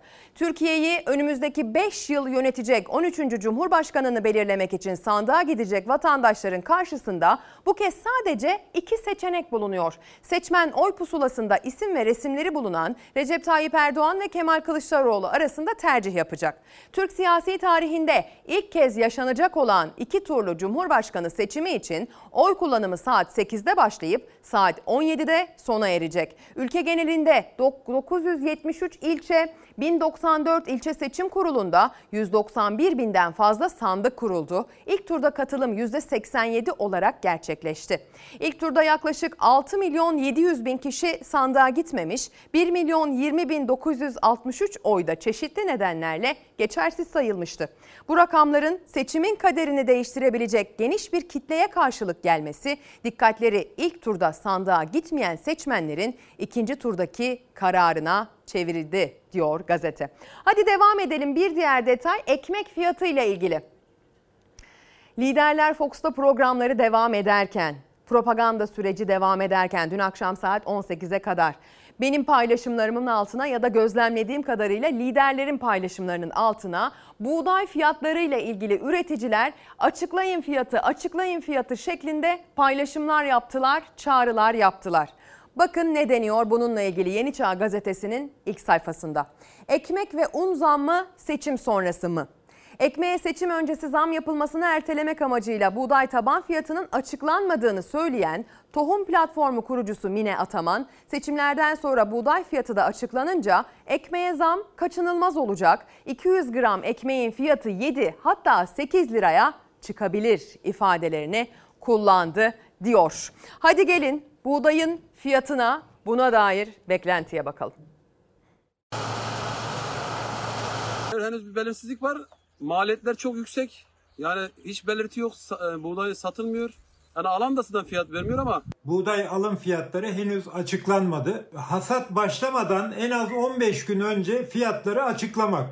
Buğday üreticisi tarlada ürününü hasat ediyor ama ne kadara satacağını bilmiyor. Her yıl Mayıs ayının ilk iki haftasında açıklanan fiyat hala açıklanmadı. Tarım yazarı Ali Ekber Yıldırım'a göre neden seçim? Seçim öncesine bakıyoruz. Bir sürü vaatler veriliyor. Ama tarıma gelince her zaman olduğu gibi tarım konusunda çiftçinin e, beklediği fiyat açıklanmıyor. Seçimden önce e, fiyat açıklansa ne olur? Eğer iyi bir fiyat açıklanması gerekir. Çünkü e, düşük fiyat açıklanırsa üreticiden büyük tepki e, görür. Çiftçi nasıl ödüyor biçer parasını? Ödeyemiyor ki. Çiftçiler girdilerinin az olmasını istiyor. Dekolta düşük, verim düşük. Güneydoğu Anadolu bölgesinde çiftçi hububat hasatında. Üretici ürününü zaten yüksek maliyetlerle borçla ekti. Toplamadan önce de giderini karşılayacak bir fiyat beklentisi içine girmişti. Geçen yıl hariç hemen hemen her yıl 2 Mayıs 15 Mayıs arası açıklanırken fiyat bu yıl hala Toprak Mahsulleri Ofisi'nden ses yok. Şu an hiçbir fiyat yok. Ne sattığımızı bilmiyoruz. Çiftçi maliyetini düşürmesini ve fiyatın belirgin olmasını istiyor. En azından 10 lira 10 lira bir buğdayın fiyatını istiyor yani. Buğday, arpa, mercimek gibi temel ürünlerin hasadının başladığı bu günlerde üreticilerimiz emeklerinin karşılığını almak istiyor. Alım fiyatları yeni bakanı bekliyor. Ama hasat bakan beklemez. Türkiye Ziraat Odaları Birliği Başkanı Şemsi Bayraktar gibi tarım yazarı Ali Ekber Yıldırım'a göre de fiyatların geciktirilmesinin bir sebebi seçim. Ama bir neden daha var. O da yapılan yoğun ithalat. Hasat öncesi TMO depoları buğdayla dolunca alım fiyatı açıklayamadı ofis. 6 ay boyunca sürekli kurak e, bir dönem yaşadık ve bu yıl buğday üretiminin de diğer ürünlerde ciddi düşüş olacağı beklentisi vardı. E, Bu nedenle de hem Toprak Mahsulleri Ofisi hem de özel sektör ciddi miktarda e, buğday ithalatı da yaptı. Hatta ofisin en son yaptığı ithalat ihalesinde Haziran ve Temmuz ayında da teslim edilmek üzere bir ihale yapıldı. Piyasada zaten e, stok olarak ciddi bir stok var. Borçla emekle buğdayını eken, belirsizlikle toplayan üretici bir kez daha ithalata yenilmiş durumda ve bir kez daha ekmekten vazgeçme sınırında. Peki böyle giderse çiftçi ne yapacak? Ekmeyecek. Buğday fiyatı ile ilgili beklenti yeni değil. Son günlerde yüksek perdeden dile getirmeye çalışıyor üreticiler. Ama siyaset, propagandalar, seçim gündemde o kadar genişçe yer kaplıyor ki onların sesini duyurması maalesef bu durumda zorlaşıyor. Biz de konuyu özellikle defaatle buraya da getirmeye gayret ediyoruz sevgili izleyenler. Önemlidir hepimiz için. Şimdi isterseniz bir arkadaşımız bize seçim atmosferini aktarsın. Beril Özcan, Soner Daba ile birlikte İstanbul'da Kadıköy'de Fener Yolu Mahallesi'ndeler. Günaydın diyeyim önce mesai arkadaşlarıma. Bize lütfen seçim sabahında oy kullanmaya gidenlerin duygusunu, motivasyonunu, o sokakların durumunu aktarın diyelim. Ezgi günaydın, iyi yayınlar diliyorum. İkinci turda yine ben bir taşla iki kuş vurmak üzere hem yayın yapacağım hem oy kullanacağım. Okula geldim. Kameraman arkadaşım Soner Daba ile birlikte Fener Yolu Mahallesi'ndeyiz. Oy kullanacağım okulun önündeki kaldırımın önündeyiz şu anda. Ee, yoğunluk birinci turdaki gibi aynı fakat... E, daha az bir zarf olduğu için sadece iki aday var. Biri üzerinden oy kullandığı için seçim daha hızlı ilerliyor ve yoğunlukta yine aynı şekilde şimdi okulun içine doğru ilerliyoruz. Burada e, kalabalığı görebiliyoruz. Tıpkı birinci turda olduğu gibi Ezgi. Gelenler de e, nasıl geçiyor, içeride nasıl oy kullanma işlemi rahat mı diye sorduğumda konuştuk biraz sohbet ettik. Evet oy kullanma işlemi çok hızlı bir şekilde ilerliyor. Kalabalık olmasına rağmen herhangi bir sıra yok. Çok rahat bir şekilde oyumuzu kullanıyoruz diye anlattılar.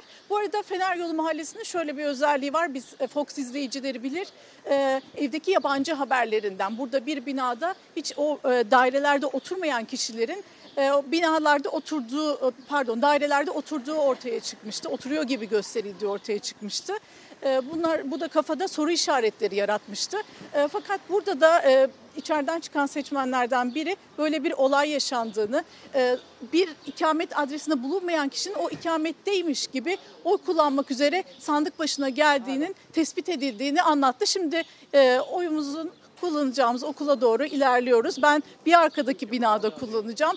E, iki blok var burada. Burada da oy kullanılıyor. E, yoğunluk devam ediyor. Bu arada yağmur da atıştırmaya başladı Ezgi ama bu seçmenlerin ikinci tur için sandık başına gelmesine engel olmadı şu ana kadar. Benim gözlemlediğim gerçekten de aynı birinci turdaki gibi çok yoğun bir kalabalık var. Hatta biraz daha fazla olduğunu aktarabilirim. Şimdilik söyleyeceklerim bu kadar. Çok teşekkürler. Beril Özcan bize aktardı İstanbul Fener yolundan Soner Dabağ'ın görüntüleriyle. Beril orada oy kullanacak. Ben merak ettim Soner abi nerede oy kullanacak onu sonra soracağım. Dedi ya Beril kullanı, oy kullanımına dair çok ciddi bir yoğunluğu bu sefer de gözlemledim. Aynı adresteyim. İki hafta önce de buradan canlı bağlantı yapmıştım. Aynı adresteyim yine yoğun ama öyle ki daha hızlı ilerliyor. Çünkü kabinde geçirilecek vakit az, mesaimiz daha az, işimiz daha kolay. Sadece tek bir kağıt hatta bir A4 büyüklüğünde dahi değil. Şöyle bir şey. Bunu zarfa sokmakla ilgili bir dert de yaşamayacağız. Geçen sefer böyle destan gibiydi hatırlarsanız. Katla katla bitirememiştik. Bu sefer öyle bir sıkıntımız da olmayacak. Yağmur var. Buna rağmen insanlar sokaktalar. Akın akın gelip oy kullanıyorlar dedi Beril. Bakın size o zaman bir mesaj okuyayım. Kayaşehir'de mi kullanacakmış? Kullanmış mı kullanacak mıymış? Soner Dabağ'ın nerede oy kullanacağını da öğrendim. Her şeye hakimiz. Ruhi Becenek bir mesaj göndermiş. Gözyaşlarıma hakim olmaya çalışarak oy kullanabilmek için kemoterapiye gitmekten vazgeçen bir amcanın kısa hayat hikayesini dinledim dün. Cumhuriyeti kurtarmak zorundayız, zorundayız diyordu. Hala gözlerim doluyor. Gençliğe hitabedeki bir gün bugündür ifadesini hatırlatıyor. Ne demek oy kullanmamak diyor sevgili izleyenler. Ne demek oy kullanmamak? Hadi gelin o zaman herkes oylarını kullandıktan sonra sonuçlar için hangi adreste toplanacağımızı, nerede buluşacağımızı açıklayalım. Buyursunlar. Her birinizi milletime emanet ediyorum. Bay Kemal halka güveniyor. Türkiye tarihinde bir ilk. Cumhurbaşkanı ikinci turda belirlenecek. 28 Mayıs'ta iki adaylı sandığa gidiyor seçmen. Akşamsa gözlerin çevrildiği ekran yine Fox olacak. İlk veriler gelmeye başladı. Diğer iller hepsini tek tek paylaşacağız. 14 Mayıs'ta olduğu gibi Fox izleyiciye en net ve anlaşılır ekranı sunacak. Oy sayımına başlandı. Gülbin Tosun'la ana haberden sonra seçim sonuçlarını İlker Karagöz ve Selçuk Tepeli aktaracak. Kamuoyu araştırmacısı Bekir Ağırdır ilk gelen verilerle seçimin sonucunu yorumlayacak. Siz topu çevirmeye devam edin. Topu çevirelim, arada analizler yapacağız. Murat Yetkin, Toplamda az görünüyor. Çiğdem Toker, kendi lehine kullanma eğiliminde oluyor. Nevşin Mengü, Kendi oyunu konsolide etmiş olması Deniz Zeyrek, Herkes sandığa taşıma gibi bir gayret olabilir. deneyimli gazeteciler 13. Cumhurbaşkanı'nın belirleneceği akşam seçimi ve sonrasını analiz edecek. Normal bir durum değil. Bu gece uzun olacak. Fox Haber Genel Yayın Yönetmeni Doğan Şentürk ve Fox Haber Ankara temsilcisi Tülay Ünal Öç'ten Tüm liderler sandıklara sahip çıkalım. son dakika bilgileri yine onlarda. Bu haber merkezi tarihe geçmiş bir haber merkezi. En doğru verileri bizden alacaksınız her zaman olduğu gibi size güzel bir gece yaşatacak emin olun. Türkiye'nin seçimi bu akşam Fox'ta. Günaydın sevgili izleyenler. Bir kez daha ekran başına hoş geldiniz. Sanki hiç gitmemişiz gibi oldu. Bilmem fark ettiniz mi? Çünkü bugün reklamlarımız gerçekten çok kısa. Saatler 11-15'i gösterene kadar biz buralarda olacağız. Çok kısa aralıklar vereceğiz. Yani verdiğimiz aralıklar yokmuş gibi olacak. O yüzden bir yere ayrılmayın. Kumandalarınızın ayarıyla oynamayın. Aktaracak çok haberimiz var. Eğer ekran başına yeni geçtiyseniz, sandıktan oy kullanmadan yeni geldiyseniz hatırlatalım. Merve Dizdar'la gururlandık bugün. Saat 8.15'te açtık dükkanı. Bugün bir 15 dakika erken açtık. Özel bir gün. Demokrasi şöleni. Seçime gidiyoruz, sandığa gidiyoruz bugün çünkü.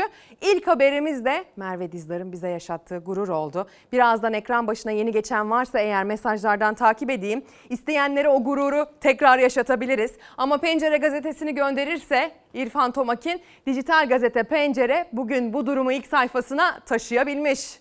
En iyi kadın oyuncu Merve Dizdar Kanda tarih yazdı. 76. Cannes Film Festivali'nde Türk oyuncu Merve Dizdar büyük gurur yaşattı. En iyi kadın oyuncu ödülü Nuri Bilge Ceylan'ın Kuru Otlar Üstünde filmindeki performansıyla Merve Dizdar'a verildi. Merve Dizdar, yaşadığım coğrafyada bir kadın olmak, Nuray'ın ve Nurayların duygusunu doğduğum günden beri ezbere bilmeyi gerektiriyor dedi. Ödülünü boyun eğmeyen kadınlara adadı. Ödülü kendisine layık görülenlere boyun eğmeyip eğ- eyleme geçen, bu uğurda her şeyi göze alan ve ne olursa olsun umut etmekten vazgeçmeyen tüm kız kardeşlerim ve Türkiye'de hak ettiği güzel günleri yaşamayı bekleyen tüm mücadeleci ruhlara armağan ediyorum dedi. Festivalde Altın Palmiye'yi yönetmen Justin Triet ve Anatomit Uno Chute filmi kazandı. Burada evet müthiş bir telaffuz şov yaptım fark ettiyseniz. Artık orayı da affedin Fransızca bilmiyorum sevgili izleyenler.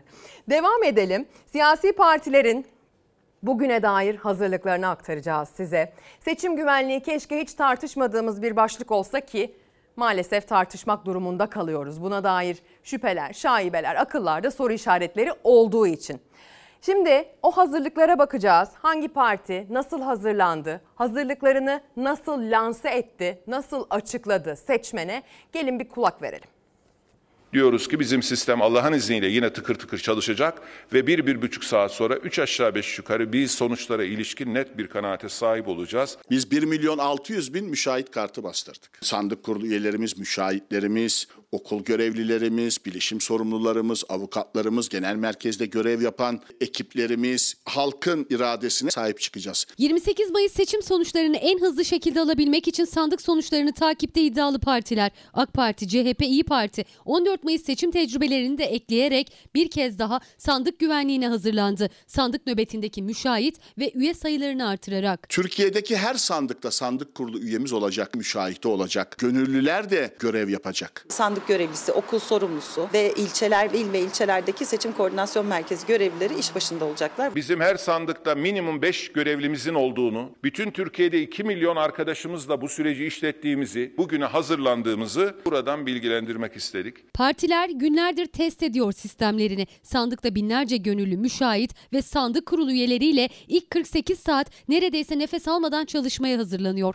Özel yazılımları sayesinde sayılan oyların ıslak imzalı tutanakları genel merkezlere aktarılacak. İl ilçe birleştirme tutanakları ile eşleştirilecek. Sandıktan gelen tutanakla işlenen oy farklıysa sistem uyarı verecek. Avukatlar çok çok önemli. 14 Mayıs'ta 15 bine yakın değerli meslektaşım görev yap. Onlar iş ve işlemleri takip ediyorlar. Hukuksuzluk varsa müdahale ediyorlar. İtirazları yönlendiriyorlar. Biz sandık sonuçlarının hazırlanmasını bile beklemeden, sonuçlar YSK'ya bile gelmesini seçim kurullarına beklemeden oradan veriyi alıyoruz. Tabii ki bizimkisi hızlı olacak. 81 ilde kurulacak sandıklara hakimiz diyor her parti. Her il ve ilçede görevlendirilenlerin yanı sıra sandık başındaki müşahitlerin sayısı da artırıldı. CHP avukatlar da görevlendirdi sandık başına. 14 Mayıs seçimlerinde CHP 2645, AK Parti'de binin üzerinde itiraz yaptı. İlçe, il ve en son YSK itirazları değerlendirildi. Karara bağlandı. Hatalı girişler düzeltildi. 14 Mayıs'ta da ıslak imzalı sandık sonuç tutanaklarını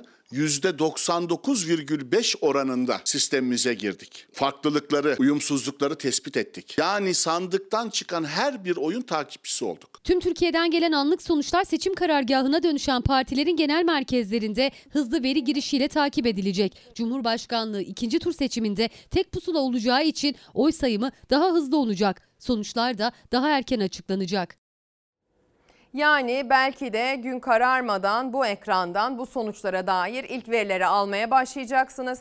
Çok uzun sürmeden bu sonuçlar sandığa yansıyan milletin iradesinin hangi istikamette gerçekleştiği bu ekrandan size hem doğru analizler, geniş ve derinlikli analizler hem de anlaşılır grafiklerle deneyimli gazeteciler tarafından aktarılacak. Sözcü gazetesinin manşeti bugün boş verme oy ver ülkene sahip çık. Türkiye bugün 13. Cumhurbaşkanını seçiyor. Erdoğan ve Kılıçdaroğlu Cumhurbaşkanı olmak için yarışacak. Bir oyla bir şey olmaz deme. Mutlaka sandığa git oy ver. İradeni sandığa yansıt.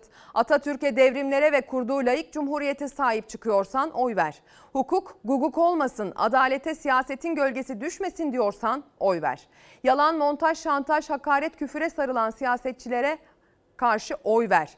Din siyasete alet edilmesin diyorsan oy ver. Hayat pahalılığı, enflasyon, işsizlik şikayetçiysen oy ver. Ülkendeki milyonlarca Suriyeli ve mültecileri istemiyorsan oy ver. Cumhuriyetimizin emanetçisi gençlerin geleceği kararmasın istiyorsan oy ver. Kadın cinayetleri sona erdirilsin, kadın haklarına sahip çıkılsın diyorsan oy ver. Kutuplaşmayan, ayrışmayan, özgürlük ve eşitlik olan bir Türkiye için oy ver diyor Sözcü gazetesi bugün. Pencere gazetesinin manşetini okuduk. Merve Dizdar'a dair detayını aktardık. Bir diğer önemli detay bugün pek çok gazete aslında bu konuyu kendine başlık edinmiş. Bu haberi aktarmış. Daron Acemoğlu bakın ne söylemiş. Dünyanın ne söylediğine baktığı bir uzman, bir ekonomist. Ekonomide 90'lı yıllara dönüş riski. Ekonomi politikaları nedeniyle Merkez Bankası net rezervlerinin bile ilk kez eksiye düştüğünü bugünlerde dünyaca saygın ekonomist Profesör Doktor Daron Acemoğlu Türkiye'de uygulanan ekonomi politikalarının sürdürülemez olduğunu söyledi diyor. Yıkıcı bir devalüasyonla sonuçlanan tüm zamanların en zarar verici krizlerinden biri diye adlandırmış içinde bulunduğumuz durumu. Hadi gelin Merkez Bankası'nın 21 yıl sonra ilk defa eksiye düşen yaklaşık 200 milyon dolara eksi 200 milyon dolara gerileyen rezervine bir bakalım. Stresimizin en önemli sebeplerinden bir tanesi Merkez Bankası'nın net rezervleri. Aylar hatta yıllar önce eksiye geçmişti Türkiye. Swap'la bunu kapatıyordu. İşin özeti şu, Türkiye özellikle son bir buçuk yıldır uyguladığı negatif faiz politikasıyla tüketimi patlatmış, ama uluslararası piyasalardan yabancı sermaye bulamıyor. Yani döviz gelmiyor. Merkez Bankası'nın rezervleri alarm seviyesine geçti. 21 yıl sonra eksiği gördü. Net rezerv 19 Mayıs haftasında eksi 0,2 milyar dolara geriledi. Yılbaşından bu yana rezerv kaybı 27,7 milyar dolar oldu. Merkez Bankası varlıkları eksi Merkez Bankası'nın borcu. Normal şartlarda varlıkları eksi borcun pozitif olması gerekir bir Merkez Bankası. Hatta arzu edilen şudur, ülkenin bir yıllık kısa vadeli borcu kadar Merkez Bankası'nın net rezervi olması gerekir. Bizim ülkemizin bir yıllık borcu 200 milyar dolar. Buna karşı Merkez Bankası'nda bu para var mı? 200 milyar doları bırakın sıfırın altında. Türkiye'nin müthiş bir döviz ihtiyacı var. İkinci nokta hem de yurt içi döviz talebini kimi zaman yazılı, kimi zaman sözlü, işte bankalardan döviz çekme sınırlama, döviz havaleleri sınırlama, şu bu filan, KKM gibi bunu tutmaya çalışıyoruz. Ama bunun son noktasına geldik. O son nokta 13-19 Mayıs haftasındaki verilerle ortaya çıktı. Türkiye Cumhuriyeti Merkez Bankası'nın brüt rezervi 3,5 milyar dolarlık düşüşle 101,6 milyar dolara geriledi. Bu rakam Temmuz 2022 sonrasındaki 10 ayın en dip seviyesi olarak kayıtlara geçti. 1 Ocak itibariyle Merkez Bankası net rezervi sıfır civarındaydı. Fakat özellikle Şubat ayından sonra seçim maratonu da başlayınca Piyasaya pompalanan paralar nedeniyle şu anda Merkez Bankası net rezervi eksi 60 milyar doları bulmuş durumda. Siz bir ülkesiniz, borç vereceksiniz. Peki borcunuzu tahsil etme imkanınız ne? Borç verdiğiniz kişide zırnık döviz yok. Merkez Bankası'nın rezervlerinin erimesi, negatife geçmesi yabancı yatırım için ülkeyi riskli konuma taşıyor. Haliyle Türkiye borç ve yatırımcı bulmakta zorlanıyor. Ekonomi uzmanlarına göre düşük faiz politikasından vazgeçmek başta olmak üzere acil adımlar atılması gerekiyor. Piyasa buna bakınca tarihin en düşük seviyesine gelmişse Merkez Bankası verisi burada devalüasyon beklentisi artıyor. Piyasa ne yapıyor? Buna göre pozisyon alıyor. O pozisyonu aldıktan sonra da stres sürekli artıyor. Bu da Türkiye'nin milli egemenlik sorunu ve duyunu umumiye noktasına geldiğini gösteren bir durumdur. Merkez Bankası'nın eksi rezervini bu açıdan düşünmemiz lazım. Durum bu Merkez Bankası ile ilgili buz gibi bir gerçek sevgili izleyenler siyaset üstü bir konu. Bir başka siyaset üstü konuyla devam edeceğiz. İşsizlikten bahsedeceğiz. İstanbul Büyükşehir Belediyesi Bölgesel İstihdam Ofisi bir araştırma yaptı. O araştırmanın sonuçlarına göre nitelikli iş gücünde de bir krizin eşiğinde olduğumuz ortaya çıktı. Asgari ücret artışını biliyorsunuz bütün firmalar çalışanlarına yansıtabilmiş durumda değiller. Asgari ücret ve komşu ücretlerde çalışanların maalesef böyle bir talihsizliği söz konusu. Bu da tabii ki müthiş bir motivasyon eksikliğine sebep oluyor. Nitelikli iş gücü, artan yaşam maliyeti, kiralar, deprem korkusu bunların hepsi aslında aynı potada eridiği zaman maalesef ortaya çok olumlu bir tablo çıkmıyor. Nitelikli iş gücüne erişimde firmalar sıkıntı yaşadıklarını belirtiyorlar. Açıkçası biz bunu araştırmalarımızda 2021 yılı itibariyle görmeye başladık. Firmalar deneyimli çalışan bulamıyor, istihdam açığını kapatmakta zorlanıyorlar. İş arayan da var ama bir türlü ortak paydada buluşamıyor işverenle iş arayan. Sevdiğim başka, sevenin başka hesabı nitelikli iş gücünde kriz kapıda. Özellikle teknolojik yatırımlar, dijitalleşme ile beraber iş gücünün buna adaptasyonunun düşük olması nedeniyle nedeniyle nitelikli iş gücünde, kıdemli, deneyimli iş gücünde sıkıntılar yaşamaya başladılar. İlanlarına az başvuru aldıklarını söylüyorlar. Başvuranların yüksek ücret istediklerini söylüyorlar ve bu makası kapatamadıklarını belirtiyorlar. İstanbul Büyükşehir Belediyesi Bölgesel İstihdam Ofisi İstanbul'un istihdamında etkili 16 sektörden 317 firmayla geçtiğimiz Nisan ayında anket yaptı. Asgari ücrete yapılan artışın istihdama etkisi araştırıldı. Anket çarpıcı sonuçlar ortaya koydu. Beyaz yaka ile mavi yaka arasındaki ücret e, farkının, gelir makasının azalması doğrultusunda beyaz yakada kayıplar yaşanmakta. Anketin sonuçlarına göre asgari ücret zamları mavi yakalıları bir nebze olsun sevindirse de beyaz yakalılarda adaletsizlik duygusuna yol açtı. Firmalar asgari ücret artışıyla birlikte beyaz yaka dediğimiz nüfusa artışı olduğu gibi yansıtamayabiliyorlar. Bu da şirket içindeki ücret hiyerarşisinde sıkıntılar yaratmakta. Beyaz yaka dediğimiz nüfusta adaletsizlik duygusu oluşturmakta. Verim ve motivasyon düşüklüğü ve işten ayrılmalarda artış olarak gözlemlenmekte. İstanbul'da artan yaşam maliyeti, fahiş kiralar ve deprem korkusuysa iş gücünde kayıplara neden oldu. Başka şehirlere göç hızlandı. Özellikle de deneyimli, nitelikli çalışan İstanbul'u terk etme eğiliminde. Bu da büyük çaplı firmalarda istihdam açığı yaratıyor. Özellikle Türkiye çapında faaliyet gösteren firmalar e, İstanbul'daki iş gücünün diğer illerde görev almak üzere nakil talepleri almaya başladıklarını belirtiyorlar. Temmuz ayında ise asgari ücrete zam yapılması planlanıyor. Firmaların asgari ücret beklentisi 11 bin lira civarında. Ücretler artıyor ama İstanbul'da yaşam koşulları da zorlayıcı. Özellikle e, İstanbul'da e, istihdam konusunda sıkıntı yaşadıklarını dile getiriyorlar. İstanbul'a çalışmaya gelmek isteyen iş gücünün de e, firmalara konaklama ile ilgili destek talepleri aldıklarını e, belirtiyorlar. Konaklama, e, barınma ciddi bir problem olarak İstanbul'daki iş gücü için karşımıza çıkıyor. Asgari ücrete yapılan artışlara yetişmekte ve adapte olmakta zorlanıyor firmalar. Anket kapsamında görüşülen firmaların %35'i asgari ücret artış oranını diğer çalışanların ücret artışlarına yansıtamadı. Bu da bazı sektörlerde kayıt dışı çalışmayı artırıyor. Asgari ücret artışı yüksek oldukça e, bunu efor edemeyen firmalar kayıt dışı kullanıma doğru dönebiliyorlar. Özellikle tekstil, e, konaklama, yeme içme, üretim sektörlerinde küçük ve orta ölçekli işletmelerde kayıt dışının artacağına yönelik e, görüşlerini paylaştı firmalar. İBB'nin kurduğu ve işverenli iş arayanları aynı platformda buluşturmayı amaçlayan bölgesel istihdam ofisleri İstanbul'da bugüne kadar 110 bin kişinin iş sahibi olmasını sağladı. Madem işsizlikten buna dair yapılmış araştırmalardan bahsettik sevgili izleyenler. İstanbul Büyükşehir Belediyesi'nin bu anlamda çalışan bir ofisi, bir ekibi e, bilimsel araştırmaların ışığında adım adım ilerliyor. Buna hakim olduk. O zaman biraz da ekonomiden bahsedelim. Kurban Bayramı yaklaşıyor. Kurbanlıktaki fiyatlara bakacağız. Fiyatlar almış başını gidiyor biraz pahalı tabii. Önümüzde kurban bayramı mesela kurbanlık fiyatlarına baktınız mı? Baktık evet baktık. Küçük başlar 6 gibi herhalmiş. Büyük başlarda nereden baksan 70-80 bin gibi bir şeymiş. Araştırıyoruz bakacağız. Kısmet biraz zor. Kırmızı et fiyatları zaten yüksek tüketici için. Et girmeyen evlere et girmesi için en güzel fırsatsa kurban bayramı. Diyanet'in vekaletle kurban kesimindeki artış geçen yıla göre %164.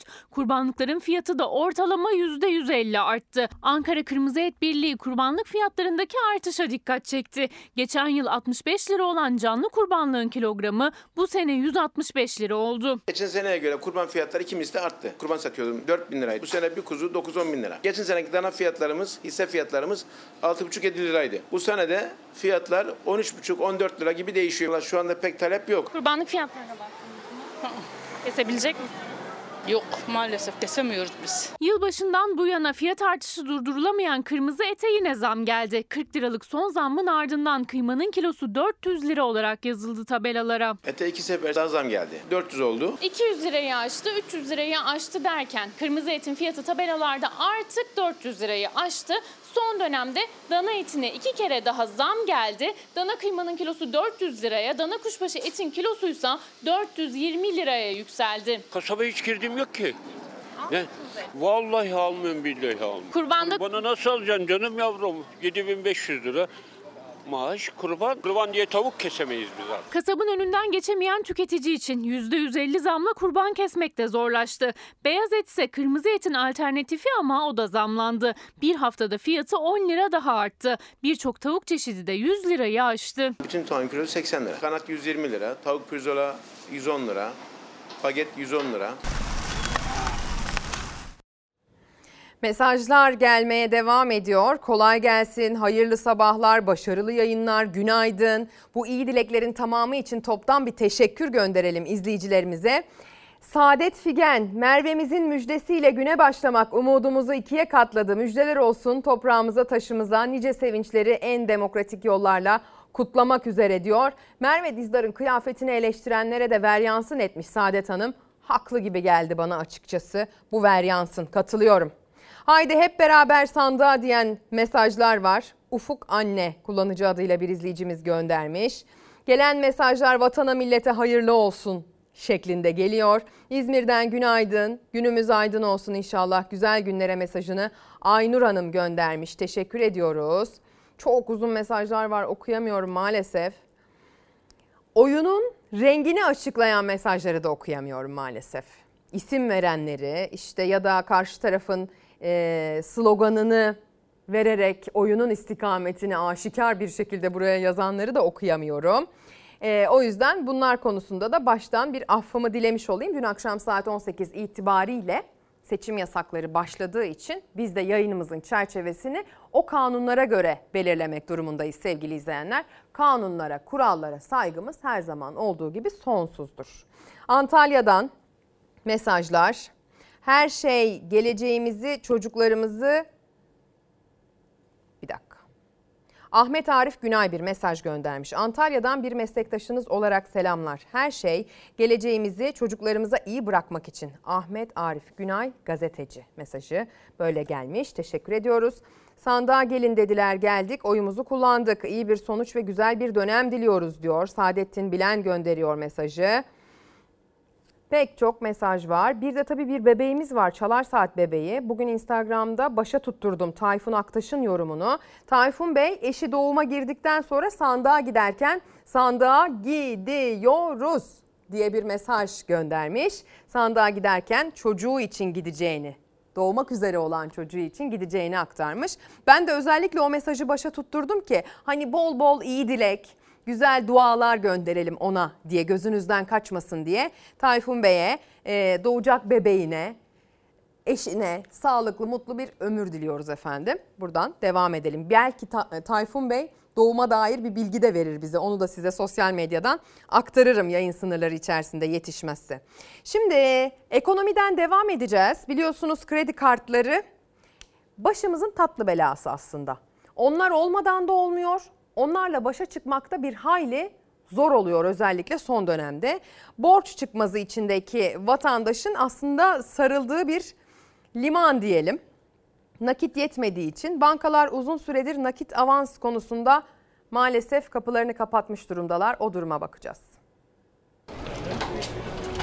Ekonomi biraz sizi kredi kartına itiyor haliyle. Alım gücü az. Millet kredi kartıyla dönüyor yani. En çok ne alıyorsunuz? Aklınıza gelebilecek her şey yani aracımın yakıtından, işte evin mutfağından, kılık kıyafetinden. Ya ödemeyi işte vatandaş kısmi olarak kesesine göre askeri tutar. Ya elektrik, su faturalarını genelde onunla ödüyorum. Faturaları kredi kartıyla. Tabii. Tüketici borçlu, borcunu kabartansa en temel ihtiyaçları aslında. Karnını doyurmak için yaptığı gıda alışverişi, işe gitmek için aldığı yakıtı, faturalar bile artık kredi kartıyla ödeniyor. Ödeme günü geldiğinde ise borcun sadece asgari tutarını kapatabiliyor çoğu. Tüketicinin büyüyen borcunu BDDK verileri de ortaya koyuyor. Bir yılda tüketicinin bankalara olan kredi ve kredi kartı borcu 6 kat, sadece kredi kartı borcu 2,5 kat arttı. Kredi kartı borçları 345 milyar 622 milyon liraya ulaştı. Tüketicinin böyle durumlarda acil ihtiyaçlarını karşılamak için sarıldığı nakit avansı bir haftadır kısıtlı. Market harcamalarını. Bugün borçlanmayarak alışveriş, alışveriş yapmayan bir kimse yok ki. Herkes borçlu. Yani ay sonu zor getiriyoruz. Tüketici artık kredi kartını pahalı ya da taksit yaptırmak istediği bir ürünü almak için değil, en temel ihtiyaçlarını karşılamak için markette ya da yakıt alırken kullanıyor. Sonrasında da bunu ödemekte bile zorlanıyor, bankanın kapısına geliyor. Kredi çekebilense işte bu kredi kartı borcunu kapatıp borcu borçla ödüyor. Birkaç bankaya borcunuz var. Olmayan var mı? İşte evimizi taşıdık. Kiraları biliyorsunuz yüksek yani. 3 bin liradan çıktım. 13 bin lira kiraya çıktım.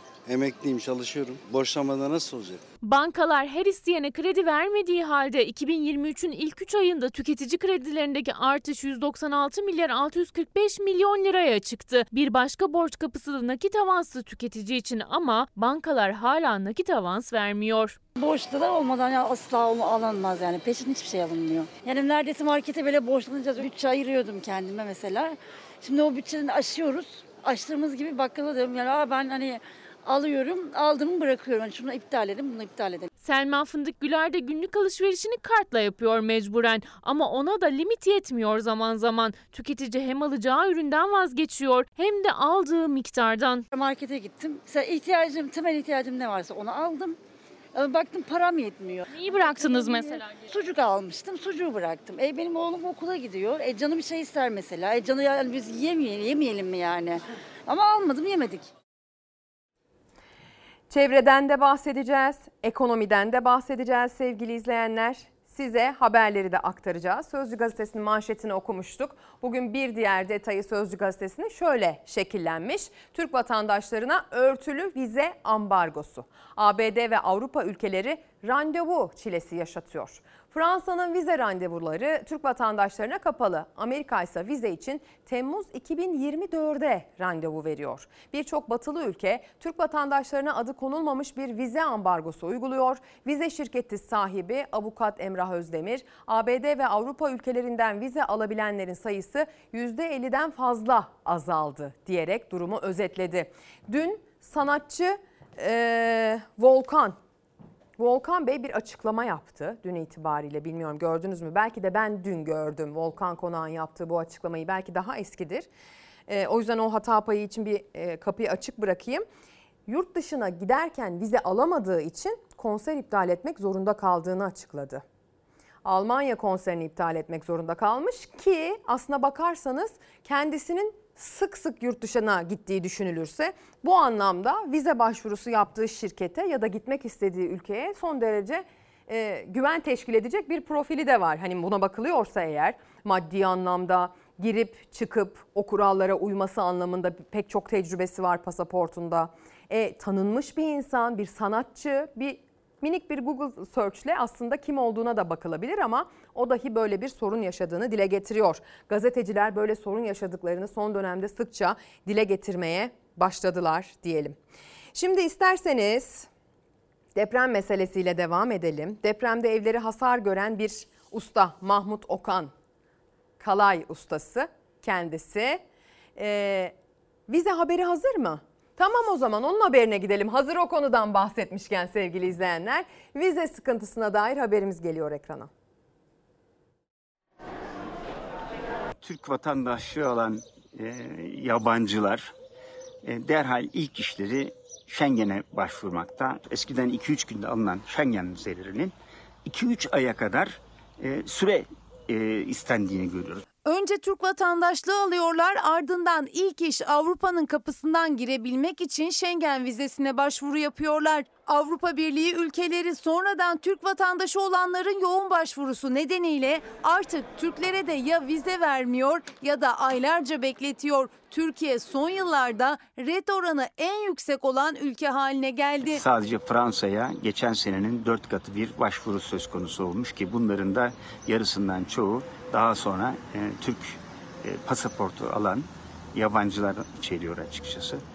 E, bu nedenle biraz zorluk çıktığı muhakkak. 6 Şubat depremlerinin ardından Almanya depremzedelere 90 günlük hızlı vize vereceğini açıklamıştı. Yaklaşık 7 bin depremzede o vizeye başvurdu Almanya'ya gitti. Ancak depremzedeler dışında yapılan başvurular aylarca bekliyor, büyük bölümü de red yanıtıyla sonlanıyor. Schengen vizesine en çok başvuru yapan 5 ülkeden biri Türkiye. En çok başvuru yapan diğer ülkeler Rusya, Suudi Arabistan, Fas ve Ukrayna'dan daha fazla ret yanıtı alıyor. Avrupa ülkeleri neden Türklere vizeleri bu kadar zorlaştırmaya başladılar? Bunun birkaç nedeni olabilir. Siyasi nedenleri olabilir. Türk vatandaşlığı alan e, yabancılar e, derhal ilk işleri Schengen'e başvurmakta. İşte bu yığılma da gerekçe gösteriyor. Sadece turistik seyahat için yapılan başvurular da var Avrupa Birliği ülkelerine. Çünkü Türkiye'de tatil fiyatları çok yüksek. Kur farkına rağmen yurt dışı tatil fiyatları neredeyse yurt içi tatil fiyatlarıyla aynı. Aynı rakamlarla yurt dışında tatilini geçirmek isteyenler vize engeline takılıyor. Avrupa ülkelerinin Türklere vize verirken oldukça nazlı davrandığını görüyoruz. Bu bekleme süresi hakikaten bizler için de üzücü, bunaltıcı, Türk tüketicisi için de oldukça yorucu. Bir de biz bayram dönemine geldik, yaz dönemine geldik. Seçimler dolayısıyla biraz Schengen vizesi almayı erteledik. Şimdi hep beraber vize için ülkelere başvurunca bir sıkışıklık meydana geldi. Vize başvuru ofisleri aylar sonraya randevu veriyor. Başvuru yapıldıktan sonra da eskiden sadece birkaç gün içinde gelen vize artık onay için aylarca bekliyor. Bekleme süreleri uzadıkça yurt dışı tatil turları yapan şirketler de programlarını değiştirmek zorunda kaldı. Bizler de vizesiz ülkelere turları ağırlık vermeye başladık. E, Şarm El Şeyh turları, Kahire veyahut da Ürdün turları 4 gece 5 gün e, 499 euro. Fas turları 7 gece 8 gün 699. Tunus 4 gece 5 gün yine bu şekilde 499 euro.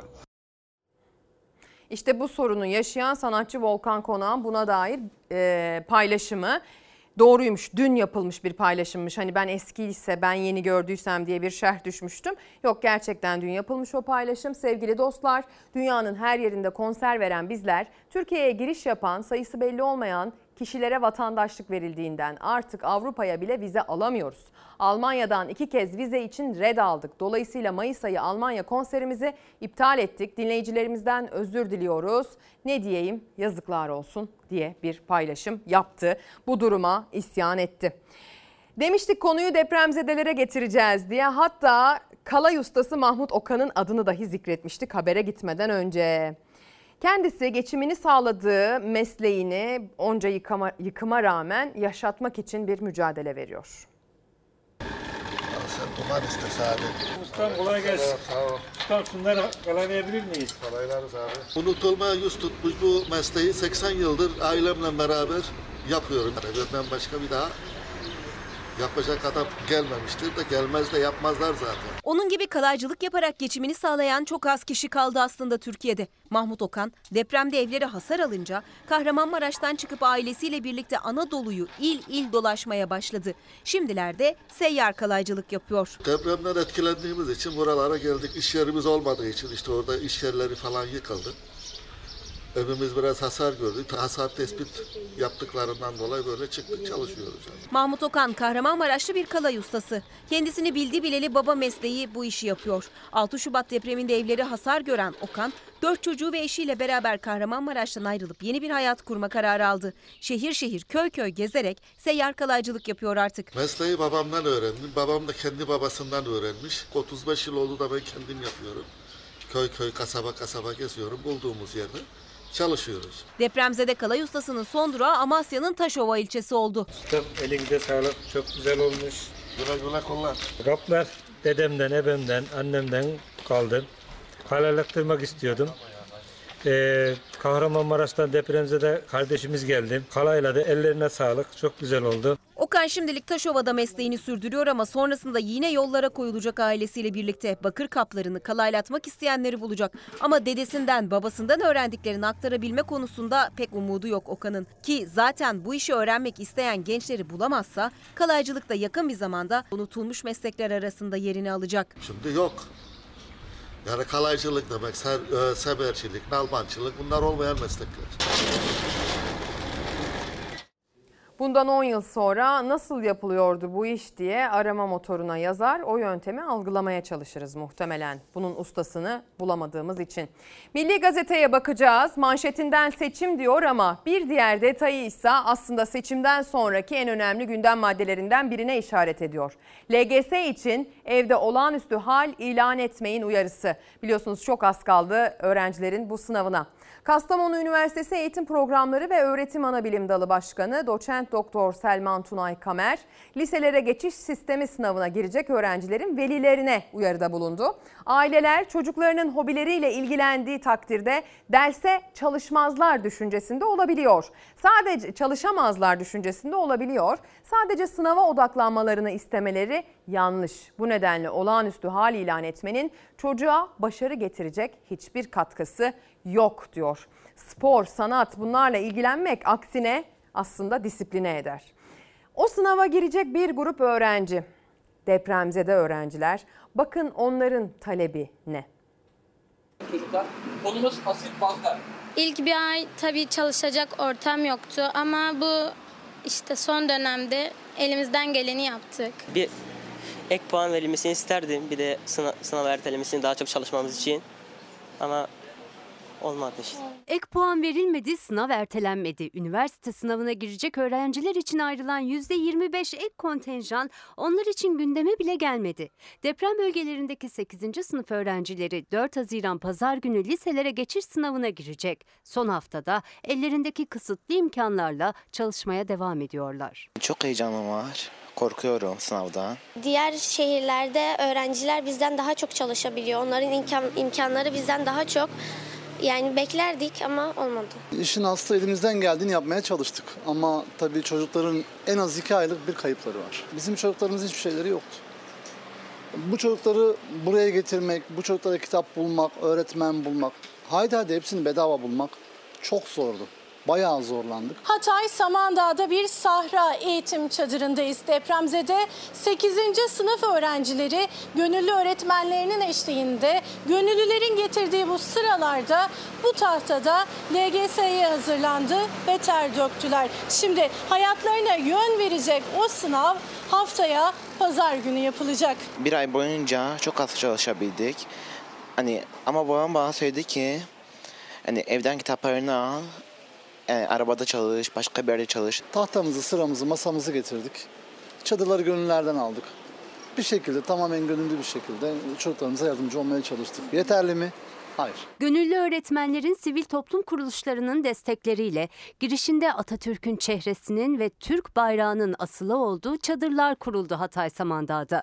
Öğrenciler düzenli bir ortamda bir arada ders çalışabilsinler diye artık iyice ısınan havada bulabildikleri vantilatörün yetmeyen serinliğiyle sınava hazırlanıyorlar. Büyük acılar yaşadılar. Evleri, okulları yıkıldı. Ders yapacak bir sınıfları kalmadı. Mevsim yaz, hava sıcak. Çadırın içi 35 derece ve öğrenciler bu kendisine bile faydası olmayan vantilatörün esintisiyle serinlemeye çalışıyorlar ve heyecanları çok büyük. Bu sınav bizim e, geleceğimizi belirleyecek. Deprem dönemi diye biraz kötü hissediyoruz evet. Zor, şartlar çok zor ama pes etmiyoruz. Hem sıcaktan hem heyecandan terliyor çocuklar.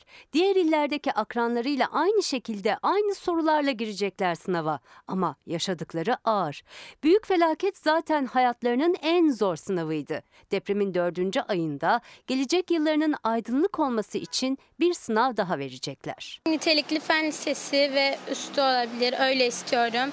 E, Doktor olmak istiyorum çocuk doktoru. Fen Lisesi'ydi, Nevzat Şahin'di. Nitelikli okulların hepsi yıkılmış durumda. Hiçbir faaliyette değil. Nasıl olacak bu iş? Bu çocuklar kazansa nereye gidecek?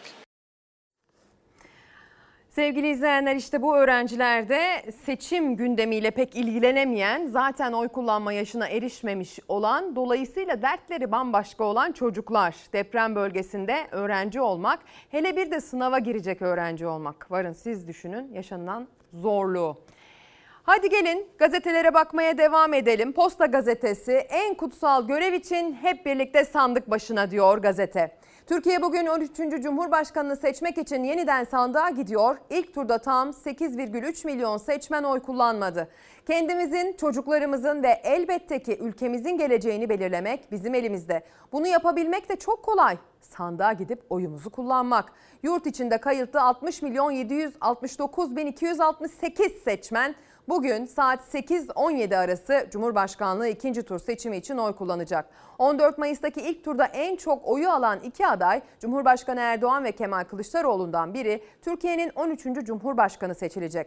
Bu turda sonuçların erken saatlerde alınması bekleniyor. Her iki adayın da tüm seçim konuşmalarında bugün her vatandaşın en önemli işi oy vermek dediğini hatırlatalım diyor. Biz de hatırlatalım. Kime oy verecek olduğunuzla ilgilenmiyoruz oy verecek olduğunuzla ilgileniyoruz. Bugün böyle bir göreviniz olduğuyla ilgileniyoruz. Sandığa gidin çağrısı yaparken. Sandığa gidiyoruz başlığını da işte tam olarak bu yüzden attık bugün. Siz de bu başlık altında derlediniz, topladınız bize gönderdiğiniz mesajları.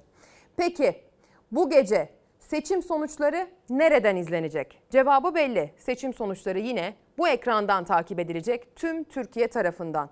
14 Mayıs'ta ve onun öncesindeki seçimlerde olduğu gibi biz yine çok iyi hazırlandık. Ekibimiz çok sağlam, grafiklerimiz çok anlaşılır, teknik ekibimiz çok tecrübeli. Dolayısıyla bu akşam bu adreste buluşacağız. Bu haber merkezi tarihe geçmiş bir haber merkezi. 12 seçim geçirmiş Fox Haber Merkezi'ni yöneten bir insan olarak şunu söylüyorum. Bu gece en doğru verileri bizden alacaksınız her zaman olduğu gibi seçim deneyimi olan bu ekip size güzel bir gece yaşatacak emin olun. Türkiye Cumhurbaşkanlığı seçiminde ikinci tur heyecanını yaşıyor. Sonuçlar yine en güvenilir ekranda Fox Haber'de olacak. 14 Mayıs gecesi 10 saat 20 dakikalık seçim yayınıyla en çok izlenen ekran olmuştu Fox. 28 Mayıs'ta da yine aynı kadro en hızlı, en doğru ve en tarafsız sonuçlarla ekranda olacak. Türkiye'nin tarihi seçiminde oy verme işlemi saat 17'de tamamlandı. Oy sayımına başlandı. İki ajanstan veri alıyoruz. İkisinin de verdiği verileri aynı anda görme şansına sahip olacaksınız. Saat 17.15'te Gülbin Tosun'un sunumuyla Fox ana haber ile başlayacak seçim yayını. Seçim yasakları kalkar kalkmaz Fox enkırmenleri Selçuk Tepeli ve İlker Karagöz ekranda olacak. İlk sonuçlar iki ajanstan sade ve anlaşılır grafiklerle buluşacak seyirciyle. İki şey önemli. Ve o iki şey İlker'le ben değiliz. Sonuçlar ve seçim güvenliği. Buradaki bütün uğraş, bütün bu ekibin uğraşı, bütün bu grafikler 360 derece birbirinden farklı ekranlar var. Hem Anadolu Ajansı hem Ankara'dan takip edeceğiz. Bunun bir gerekçesi var. Onun gerekçesini de biz 2019 yılından aslında bir örneklendirebiliriz. Bir kaynakta veri akışı kesiliyorsa o diğer ikinci kaynaktan biz seçimi takip edebilelim diye e, iki kaynaktan besleneceğiz. İsabetli ve tarafsız analizler de yine Fox ekranında olacak. Kamuoyu araştırmacısı Bekir Ağırdır an beyan sonuçları yorumlayacak. Herkes geleneksel oy tabanlarında duruyor. Bunca hikayeden, bunca yaşanandan sonra bunca pandemi, merkezileşme, ekonomik buhran ikinci tur hala e, neredeyse kesin diyebilirim. Belki biraz sonra yapılacak canlı açıklamalarda bu itiraz sürecine ilişkin daha ayrıntılı şeyler yapılsa, bilgiler verilse atışlarda evet ne oluyor, evet daha sağlıklı kamuoyu bilgilenebilir. Şöyle bir kulis bilgisi var. Biliyorsunuz Cumhurbaşkanı Erdoğan e, İstanbul'dan izleyecekti seçimleri. Bu şekilde duyuruldu. Bugün öğle saatlerinde, öğleden sonra e, Ankara'dan izlemeye karar verdi. Ankara'ya gitti. Fox Haber Genel Yayın Yönetmeni Doğan Şentürk'le orta sayfanın deneyimli gazetecileri ve Fox Haber Ankara temsilcisi Tülay Ünal Öç'ten de hem kulis bilgileri hem sahadan gelen bilgilerle hem de yorumlarıyla izleyiciyi bilgilendirecek. Açıklamalarda bulunuyorlar, kendilerindeki rakamları görüyorlar. Bu gerçekten e, seçmenin son derece dikkatle takip ettiği bir nokta. Gece uzun olacak belli ki. Sandıklar kapanır kapanmaz. Ee, anladığım kadarıyla müşahitlerin de önceden hazırlanmış itiraz tut- tut- tutanakları var. İtiraz edilmiş. Bu bir taktik ya. Bu, bu psikolojik bir savaş bu akşam. Fox Haber muhabirleri de yaşananları aktarmak için seçimin en sıcak noktalarında olacak. Hem sandıktan çıkan sonuç hem de sahadan gelen bilgiler Türkiye'nin seçim ekranında izleyiciyle buluşacak. Veriler giriliyor. Sandık temelli bir algoritma var. Basit bir bilgisayar programı, bilgisayar algoritması var. En doğru verileri bizden alacaksınız her zaman olduğu gibi Türkiye tarihinde çok önemli bir seçim gerçekleşiyor ve bu tarih yazılırken emin olun Fox Haber'in bu haber merkezinin de adı o tarih sayfalarında yerini alacak. Şimdi hemen arkadaşım Fırat Irmak'a dönmek istiyorum Ankara'ya. Berkcan Tuğ'un görüntüleriyle bize Sayın Babacan'ın oy kullanımını aktaracak. Evet Ezgi günaydın. Ee, ikinci tur yeni bir heyecan. Ee, artık Türkiye yeniden sandık başına gidiyor. Biz de Bilkent'teyiz. Ee, Deva Partisi Genel Başkanı Ali Babacan ve eşi e, Zeynep Babacan buradalar. Onlar da oylarını kullanacaklar. Yeni bir heyecan var artık Türkiye için. Türkiye tekrar e, iki haftalık aranın ardından yeniden sandık başında. Şu anda Ali Babacan ve eşi de oylarını kullanıyorlar. Biz ilk gözlemlerimizi anlatalım isterseniz onlar oylarını kullanırken. Ee, ilk turun e, aksine burada artık iki pusula olmadığı için ve o malum e, partilerin olduğu oy pusulaları olmadığı için onları katlamak da bayağı bir meşakkatliydi. Artık e, daha kısa sürüyor oy verme işlemi. Çünkü sadece artık iki aday var. E, seçmenler onlara oylarını verip oylarını kullanıyorlar. O yüzden çok fazla sıra yok okullarda. E, bu da ilk gözlemlerimiz arasında. Şu anda da e, Zeynep Babacan oyunu kullandı. Ali Babacan'ı bekliyoruz. O da oyunu kullandı. Birazdan kabinden çıkmak üzere. Şu anda o da oyunu kullandı ve sandığa atıyor. Ee, oyunu kullandıktan sonra da hemen ilk değerlendirmeleri alacağız kendisinden. Ve evet ilk değerlendirmeleri almak için onun yanına doğru geçelim.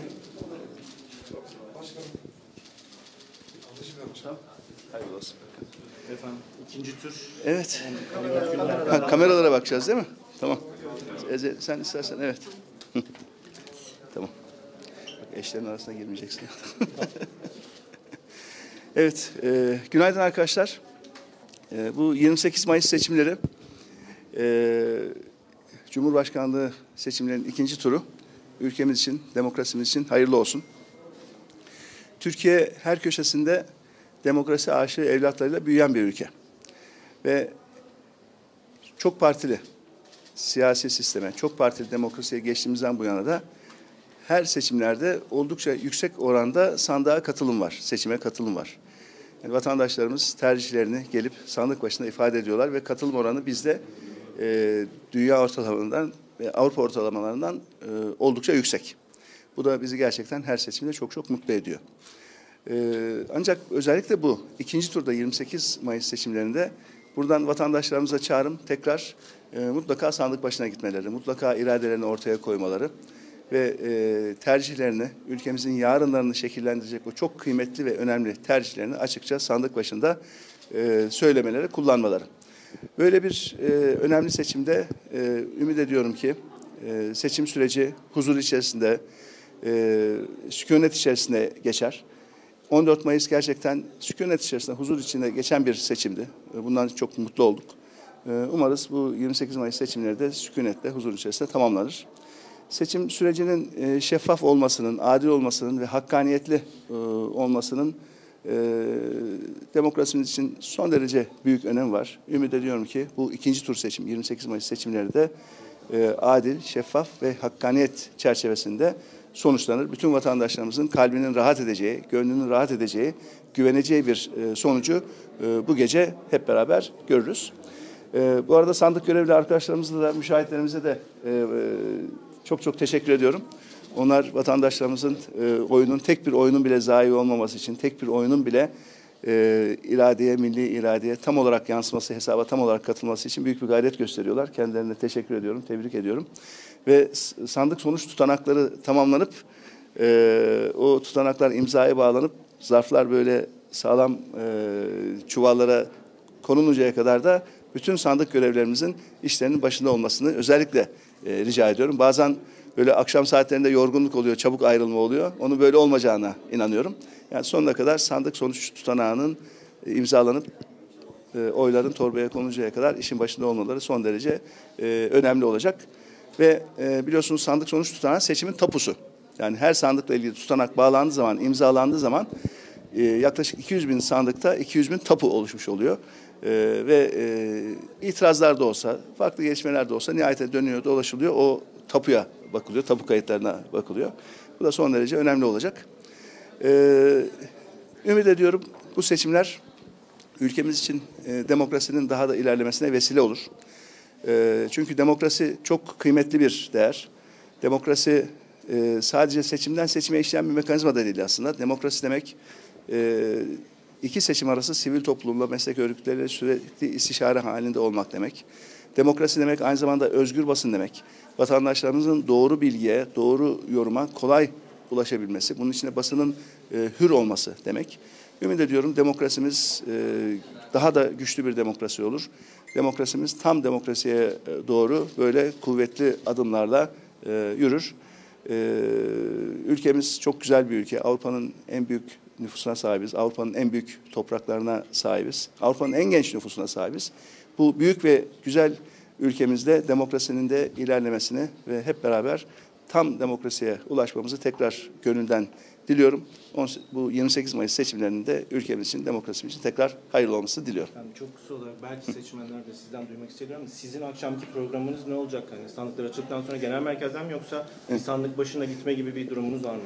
Şöyle bizim e, genel başkanlar olarak sandık başında beklememizin e, e, çok doğru olmadığı ile ilgili daha önce tecrübelerimiz var. Çünkü sandık başı bilinen insanlar olduğumuz için sandık başında olmamız biraz sanki oy tercihlerini etkilemek gibi de anlaşılabiliyor. Dolayısıyla biz ne yaptık? Ankara'da 25 ilçede 25 teşkilatımız var biliyorsunuz. Ankara'daki tüm teşkilatlarımızda arkadaşlarımızı görevlendirdik. Okul binalarında görevlendirdik. Cumhuriyet Halk Partisi'nin bir ortak sandık güvenlik sistemi var. Ona biz kendi arkadaşlarımızı yazdırdık. Ee, yaklaşık 48 bin isim verdik biz ortak havuza. 1166 tane de avukat ismi verdik. Dolayısıyla bütün sandıklarda altı partinin ortak seçim güvenlik sistemi çalışacak. Bizim de arkadaşlarımız o seçim güvenlik sistemine e, katkıda bulunacak. E, ben de akşam saat e, böyle 5-6'dan itibaren genel merkezimizde olacağım. E, seçim sonuçlarını genel merkezimizde arkadaşlarımızla beraber takip edeceğiz. Teşekkür ederim. Evet. Peki. Çok teşekkür ediyorum. Görüşmek üzere. İyi çalışmalar diliyorum. Sağ olun. Evet Ezgi Ali Babacan'ın oy kullanmasını aktardık. Bugün Ankara'da da siyasetin oy kullanma trafiği yoğun olacak. Diğer liderlerin oy kullanmalarıyla da yeniden sizlerle olacağız. Diyelim buradan sözü sana bırakalım tekrar. Fırat Irmak ve Berkcan Tuğ'ya çok teşekkür ediyoruz. Biliyorsunuz seçimden önce konuşulmuştu özellikle ikinci tura gidilen süreçte e, genel başkanlar sandık başlarında olacak gibi bir bilgi yayılmıştı. Bu bilginin doğruluğunu sorguladı arkadaşımız ee, ve dedi ki bizim orada olmamız çok doğru olmaz, yönlendirme olabilir. Tabii orada bir genel başkanın olması beraberinde birilerinin de olması anlamına geleceği için e, işlerin ilerlemesi, sayımın ilerlemesi, o işlerin tamamlanmasıyla ilgili de bir gecikme yaşatabilir belki de. Dolayısıyla böyle olmayacak ama teşkilatlarımız görev başındalar dedi. Deva Partisi lideri Ali Babacan, eşi Zeynep Babacan'la birlikte oy kullandı. Şimdi isterseniz sabahın erken saatlerinden bu yana oy kullanan siyasilere şöyle bir göz atalım. Önce Şanlıurfa'ya doğru gideceğiz. Adalet Bakanı Bekir Bozdağ oyunu kullandı ve mesajını aktardı.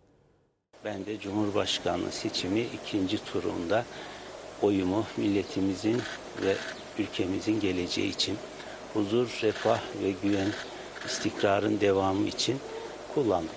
Hayırlı olsun diliyorum. Ee, gördüğüm kadarıyla Şanlıurfa'mızda ve ülkemizin dört bir yanında seçimin başladığı andan şu ana kadar herhangi bir olumsuzluk söz konusu değil. Urfa'da ve diğer yerlerde de seçimler büyük bir demokratik olgunluk içinde geçmektedir. Milletimizin milli iradesine ve demokrasisine sahip çıkması mükemmel. İlerleyen dakikalarda, ilerleyen kısa süre içerisinde İyi Parti lideri Meral Akşener'in de oy kullanması bekleniyor. Onu da size naklen aktarma gayreti içindeyiz. Şimdi İstanbul'da Gazi Osman Paşa Bağlarbaşı Mahallesi'nde Dobruca Ortaokulu'nda İçişleri Bakanı Süleyman Soylu ve eşi Hamdiye Soylu'nun oy kullanmasına gideceğiz. Verdikleri mesajı dinleyeceğiz.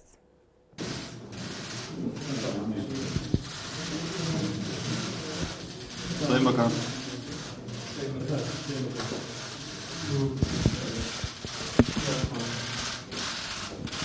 Ülkemiz için, milletimiz için, gelecek nesillerimiz için hayırlı ve uğurlu oldu inşallah. Teşekkür ediyorum. Evet, siyasilerden oy kullanımlarına dair bilgiler, görüntüler, aktardıkları mesajlara dair e, röportajlar gelmeye devam edecek ilerleyen dakikalarda biz de bunları ekrana taşıyacağız. Tabii aktaracağımız haberler, okuyacağımız gazete başlıkları da mevcut. Karar Gazetesi'nin bugün manşetini, ilk sayfa detaylarını okuduk. Bakın bir detay diyor ki Türkiye'nin gölleri damla damla eriyor.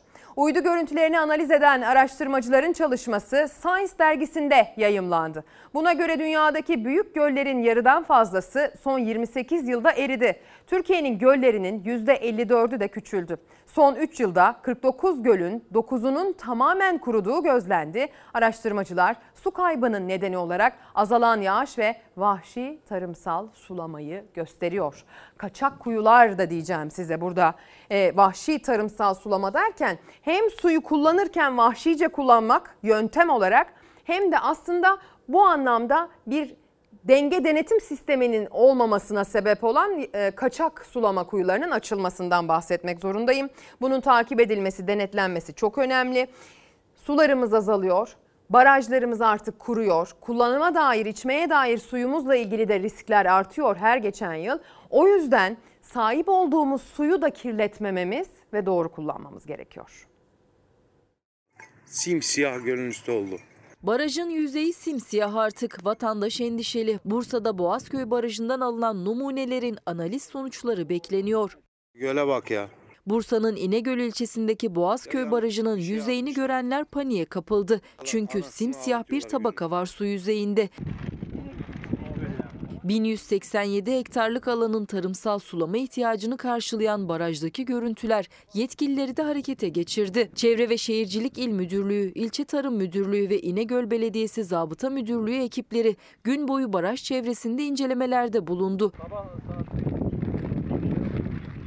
Teknik incelemelerini tamamlayan ekip barajın farklı noktalarından numune aldı. Alınan numuneler incelenmek üzere TÜBİTAK'a gönderildi. Yetkililer suyun analizi yapılıp sonuç alınmadan balık tutulmaması yönünde vatandaşları uyarıyor. Çevremize sahip çıkmak, kapımızın önündeki yeşilliğe sahip çıkmak, en azından gözümüzün gördüğünü sahiplenmek önemli. 77 yaşında elleri öpülesi bir amcamız gelecek şimdi ekrana. Sahip çıkmak nasıl olur onu gösterecek. Bir sene oldu yani bir seneyi zaten geçti. Daha hala da çıkarayım, hala da temizleyeyim. Yani güzel olsun, daha da güzel olsun. Yani isterim ki bu dağları taşları hepsini yapayım. Gönlü dört bir yana ağaçla çevirmek istiyor aslında ama gücü bu kadarına yetti. 77 yaşındaki İsmail dede tonlarca taş topladığı dağlık araziyi ağaçlarla kapladı. Fidanları da sağ olsun dostlar getirdi. Bir ağaç yetiştirmek benim için bir adam yetiştirmek. Yani. Bir çocuğu büyütür gibi her gün tek tek ilgileniyor her bir fidanla. 77 yaşındaki İsmail Yılmaz evinin önündeki taşlık arazideki taşları toplayarak başladı işe. Sabah namazı kıldım. Güneş atmadan ben burada çalışayım. Taş çıkarayım, temizlik yapayım.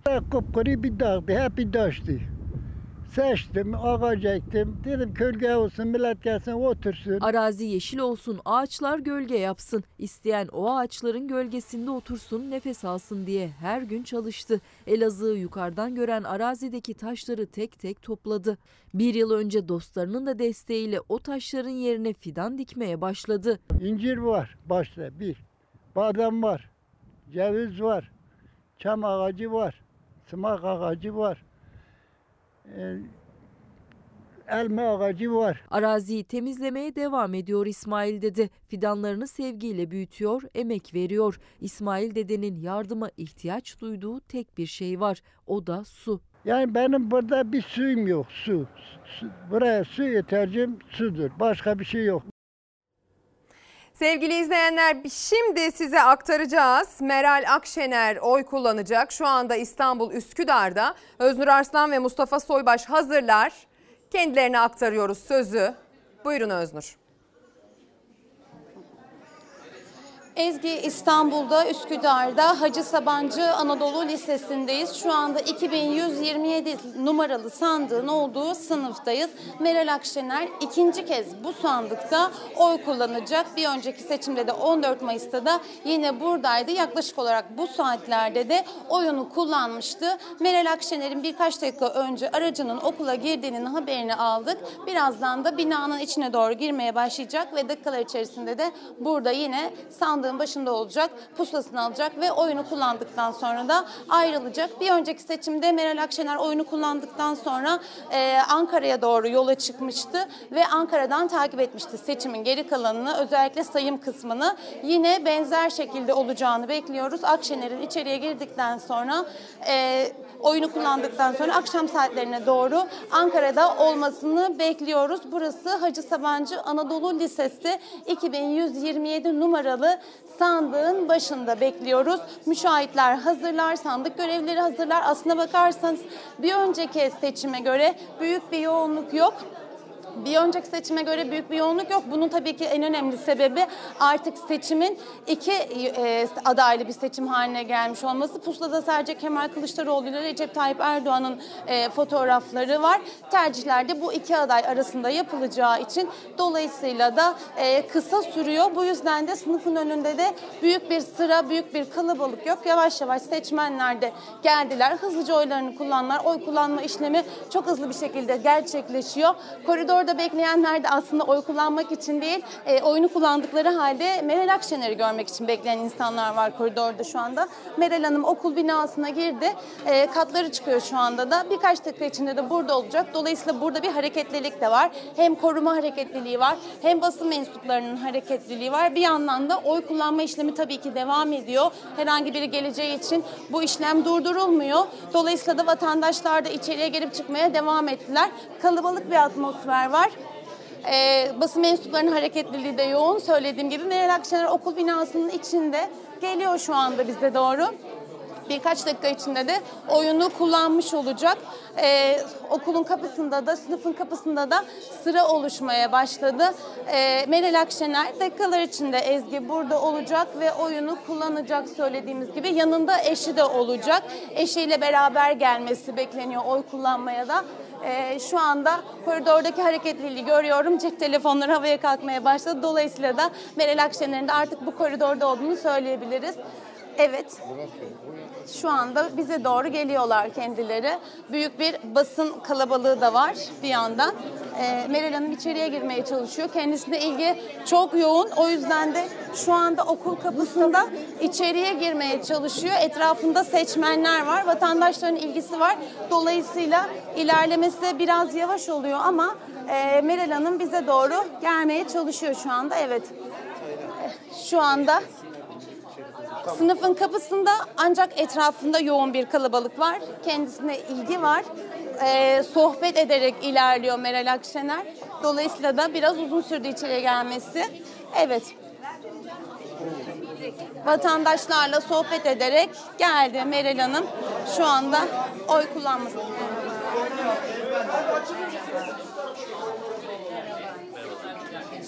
Müşahitlerle selamlaştı. Merhabalar.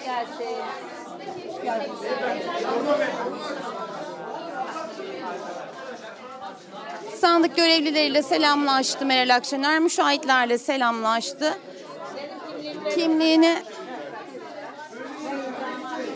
kimliğini uzattılar. Şu anda e, ismi kontrol ediliyor listeden. Evet pusulasını aldı. Şu anda da oy kullanma kabinine doğru ilerledi. Meral Akşener oyunu kullanacak. Oy kullanma işlemi çok uzun sürmüyor tabii ki. Zaten sadece iki aday var. Bir önceki seçimde olduğu gibi uzun bir metreyi bulan pusula, ittifaklar, milletvekili seçimleri, partiler gibi detaylar olmadığı için işlem hızlı sürüyor. Akşener de şu anda bakın cümlemi bitirmeden zaten oyunu kullandı ve geldi bile.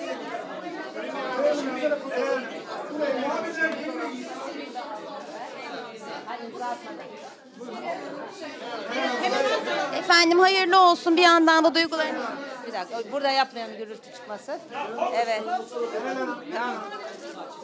Bağırmayın ne olur. Yeteri kadar gürültü var ya. Zaten yorgun hepsi. Kaçta geldiniz? Allah yardımcınız olsun. Tamam mıyız? Atabilir miyim? Ya attım tamam. Meral Akşener ikinci kez oyunu kullandı. Cumhurbaşkanı, Cumhurbaşkanı seçim için oyunu kullandı. imzasını atıyor. Ee, şimdi de okulun kapısına inecek ve basın açıklaması yapacak. Biz de o basın açıklamasını takip edeceğiz Ezgi. Teşekkürler diyelim Öznur Arslan'a. Sahada bu anlamda görev yapmanın zorluğuna da şahitlik ettik değil mi hep beraber sevgili izleyenler? Gerçekten zor.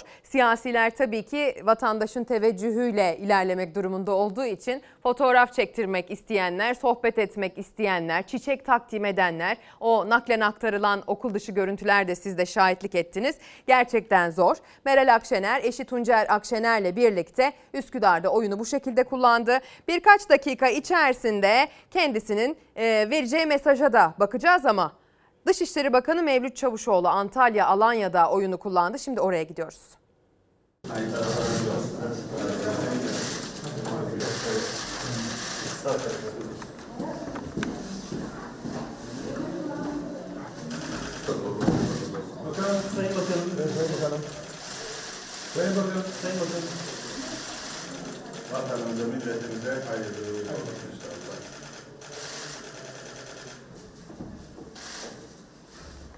Türk milleti demokrasiye düşkündür ve demokrasi şöleni şeklinde gerçekleşmişti.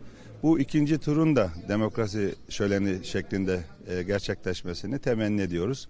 Bu vesileyle de yurt dışında yaşayan tüm vatandaşlarımıza e, gönülden teşekkür etmek istiyorum.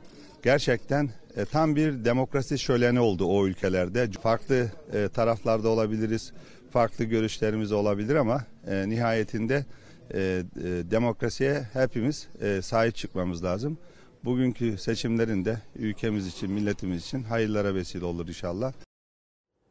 Hayırlı uğurlu olsun mesajları aktarıyorlar ağırlıklı olarak siyasi isimler. Mevlüt Çavuşoğlu Dışişleri Bakanımız da Antalya, Alanya'da Türkler Ayşen Cengiz Urfalıoğlu İlkokulu'nda oyunu kullandı. Eda Hanım bir mesaj göndermiş. Ezgi Hanım küçük bir ilçede yaşıyorum ve ilçeden köyüme gideceğim oy kullanmaya. Gidiş dönüş yaklaşık 4 saatimi alacak. Kendi aracım yok. Taksi tutacağım ki maddi olarak çok müsait değilim. Ama vatanım söz konusu. Torunum güzel günlerde büyüsün istiyorum. Onun için gidip oyumu kullanacağım diyor. Haydi Meral Akşener'in vereceği mesaja bir kulak kesilelim. Evet çok uzun bir konuşma yapmayacağım. Oylarımızı kullandık. Çok önemli bir seçimin ikinci safhasında. Hepiniz için, hepimiz için önemli. Özellikle gençlerin geleceği açısından çok önemli bir seçimin bu safhasında oylarımızı kullandık.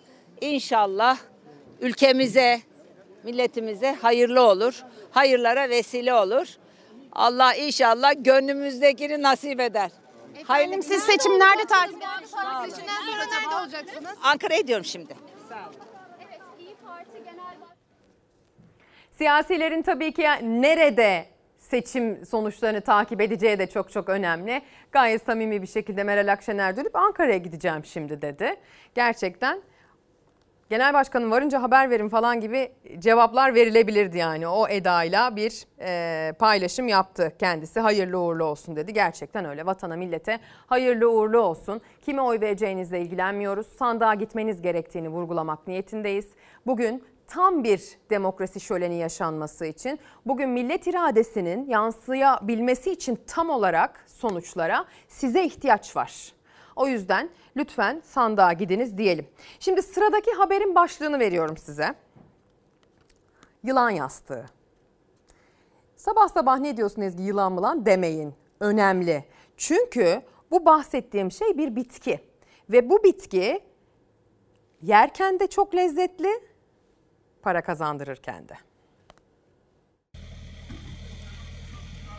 Son 3 yıldır e, özellikle kırsalda yaşayan e, bizim vatandaşlarımız için e, büyük bir gelir kapısı haline gel- gelmeye başladı.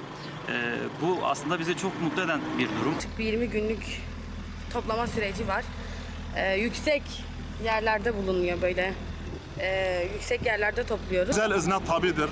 Nisan'ın başında ve Mayıs'ın 15'ine kadar. Yaklaşık 45 gün bu- bunu ihracatını yapıyoruz.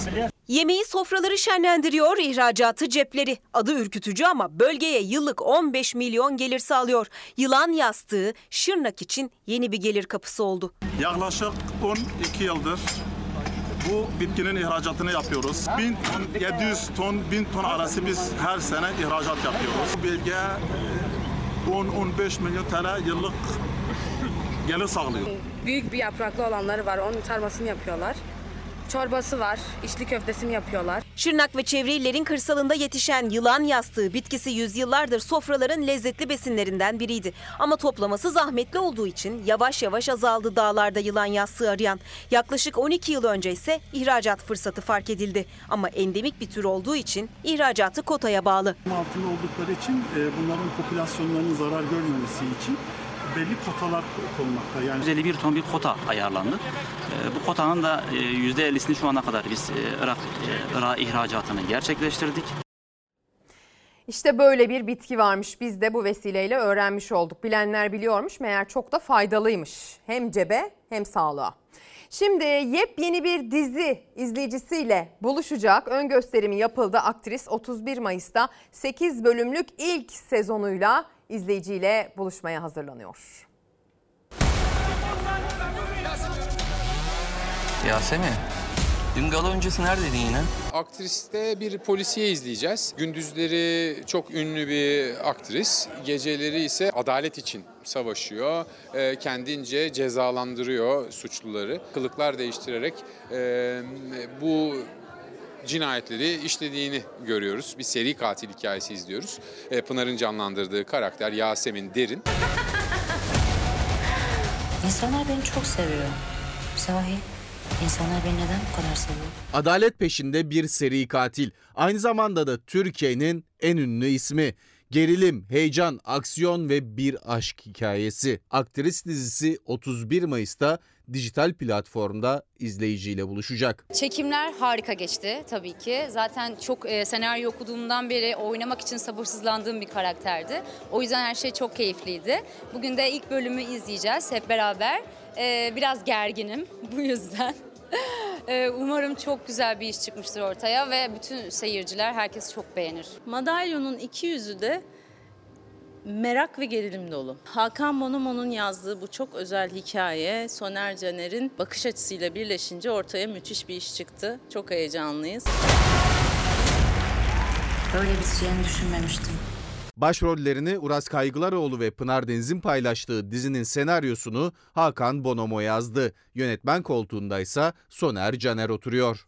Gerilim dizisi diyebilirim ama hep bir mizahi dille ilerliyor. Türkiye'nin en ünlü yıldızının seri cinayetler işlemesi fikri ve onun yakalanır mı, birisi ondan şüphelenir mi? Buralarda gezindik. Ee, Bunlar beni heyecanlandırdığı gibi e, yapımcımızı da Necati abi çok heyecanlandırdık. Yasemin'in e, sürekli gittiği bir kafe var. E, O kafeyi devralan birisini oynuyorum. Fatih isminde birisini. E, Gel zaman git zaman aramızda bir yakınlaşma başlıyor. iki karakter arasında. Genç bir babayı oynuyorum. Boşanmış bir eşi oynuyorum. Karakter yoğunluğu açısından benim bir tık daha fazla sahnem vardı. Bir seri katili canlandırdığım için o seri katilin altında bir sürü tabii duyguyu oynamam gerekiyordu. Ama yine de zor da olsa yani yoğun da olsa e, benim için çok keyifliydi. Çünkü daha önce Türkiye'de oynanmamış bir karakter. Sen beni tanımıyor musun gerçekten? Tanımam mı gerekiyor? Ya sen bayağı iyisin ama. Uras Kaygılaroğlu Fatih karakterine hayat veriyor dizide. Pınar Deniz ise Yasemin Derin'i canlandırıyor. Hem ünlü bir isim hem de seri katil olan Yasemin Derin'in suç ortağıysa oyuncu Tolga Tekin'in canlandırdığı Ahmet. Başka kapıya. Ahmet karakterini canlandırıyorum. Eski özel kuvvetler mensubu, iyi bir komando. Yaşadığı trajik bir ailesini kaybettikten sonra hayata küsen ama sonra karşısına Yasemin çıkıyor ve hayata tekrar bağlanan ve beraber o saatten sonra kader ortaklığı yaşayan bir adam Ahmet. Ben işin aksiyon tarafındayım. Ee, çatışmalar, dövüşmeler o işin o kısmında. Pınar Deniz'in muhteşem oyunculuğuyla e, çok popüler bir aktrisin ikili hayatını izleyeceğiz. Bir yanıyla karanlık ve tehlikeli, bir yanıylaysa oldukça ışıltılı ve zirvede bir kadın bu Yasemin Derin. Tüm ışıklar üzerinizdeyken kimse sizi göremez diyor Yasemin Derin. Aktris dizisi 8 bölümlük ilk sezonuyla 31 Mayıs'ta dijital platformdaki yerini alacak. Sadece Türkiye değil birçok ülkede de Türkiye ile aynı anda izleyiciyle buluşacak. Herkese iyi seyirler diliyorum. Umarım beğenilir. Ee, yönetmenimiz, senaristimiz, e, yapımcımız, e, oyuncularımız çok gerçekten canı gönülden emek verdiler. Umuyorum karşılığını bulur. 31 Mayıs'ta izleyebilirsiniz. Türkiye ile aynı anda birçok ülkede yayında olacağız. Dolayısıyla çok sayıda izleyiciye ulaşacağız. Tüm dünya aynı anda Türkiye ile beraber izleyebilecek. Her birinizi milletime emanet ediyorum. Bay Kemal halka güveniyor. Türkiye tarihinde bir ilk. Cumhurbaşkanı ikinci turda belirlenecek. 28 Mayıs'ta iki adaylı sandığa gidiyor seçmen. Akşamsa gözlerin çevrildiği ekran yine Fox olacak. İlk veriler gelmeye başladı. Diğer iller hepsini tek tek paylaşacağız. 14 Mayıs'ta olduğu gibi Fox izleyiciye en net ve anlaşılır ekranı sunacak. Oy sayımına başlandı. Gülbin Tosun'la ana haberden sonra seçim sonuçlarını İlker Karagöz ve Selçuk Tepeli aktaracak. Kamuoyu araştırmacısı Bekir Ağırdır ilk gelen verilerle seçimin sonucunu yorumlayacak. Siz topu çevirmeye devam edin. Topu çevirelim. Arada analizler yapacağız. Murat Yetkin, Toplamda az görünüyor. Çiğdem Toker, kendi lehine kullanma eğiliminde oluyor. Nevşin Mengü, Kendi oyunu konsolide etmiş olması Deniz Zeyrek, Herkes sandığa taşıma gibi bir gayret olabilir. deneyimli gazeteciler 13. Cumhurbaşkanının belirleneceği akşam seçimi ve sonrasını analiz edecek. Normal bir durum değil. Bu gece uzun olacak. Fox Haber Genel Yayın Yönetmeni Doğan Şentürk ve Fox Haber Ankara temsilcisi Tülay Ünal Öç'ten Tüm liderler sandıklara sahip çıkalım. Bu son dakika bilgileri yine onlarda. Bu haber merkezi tarihe geçmiş bir haber merkezi. En doğru verileri bizden alacaksınız her zaman olduğu gibi size güzel bir gece yaşatacak emin olun. Türkiye'nin seçimi bu akşam Fox'ta. Tekrar günaydın sevgili izleyenler. Bir kez daha Çalar Saat hafta sonuna ekran başına hoş geldiniz. Türkiye'den dünyadan gündeme aktarıyoruz ama seçime dair haber aktarmıyoruz. Sadece siyasilerin peşine düşüp kim nerede oy kullandı, sonrasında hangi mesajı verdi bunu aktarıyoruz. Dün saat 18 itibariyle seçim yasakları devreye girdiği için biz de kurallara, kanunlara uymak konusunda son derece disiplinli olduğumuz için bu yönde bir yayın hazırlığı içerisindeydik. Dün itibariyle, gece itibariyle buna yönelik bir akış hazırladık. Ama tabii ki seçime dair aktaracağımız teknik detaylar, vereceğimiz sayısal bilgiler var. Örneğin müşahitler, örneğin gönüllüler, örneğin görevliler. Birinci turla ikinci tur seçim arasındaki en büyük farklardan bir tanesi aslında bu seçim sandığında, okulda, sınıfta, sayımda ben de orada olmak istiyorum diyenlerin sayısına dair. Sayı ne kadar artmış gelin ona bakalım.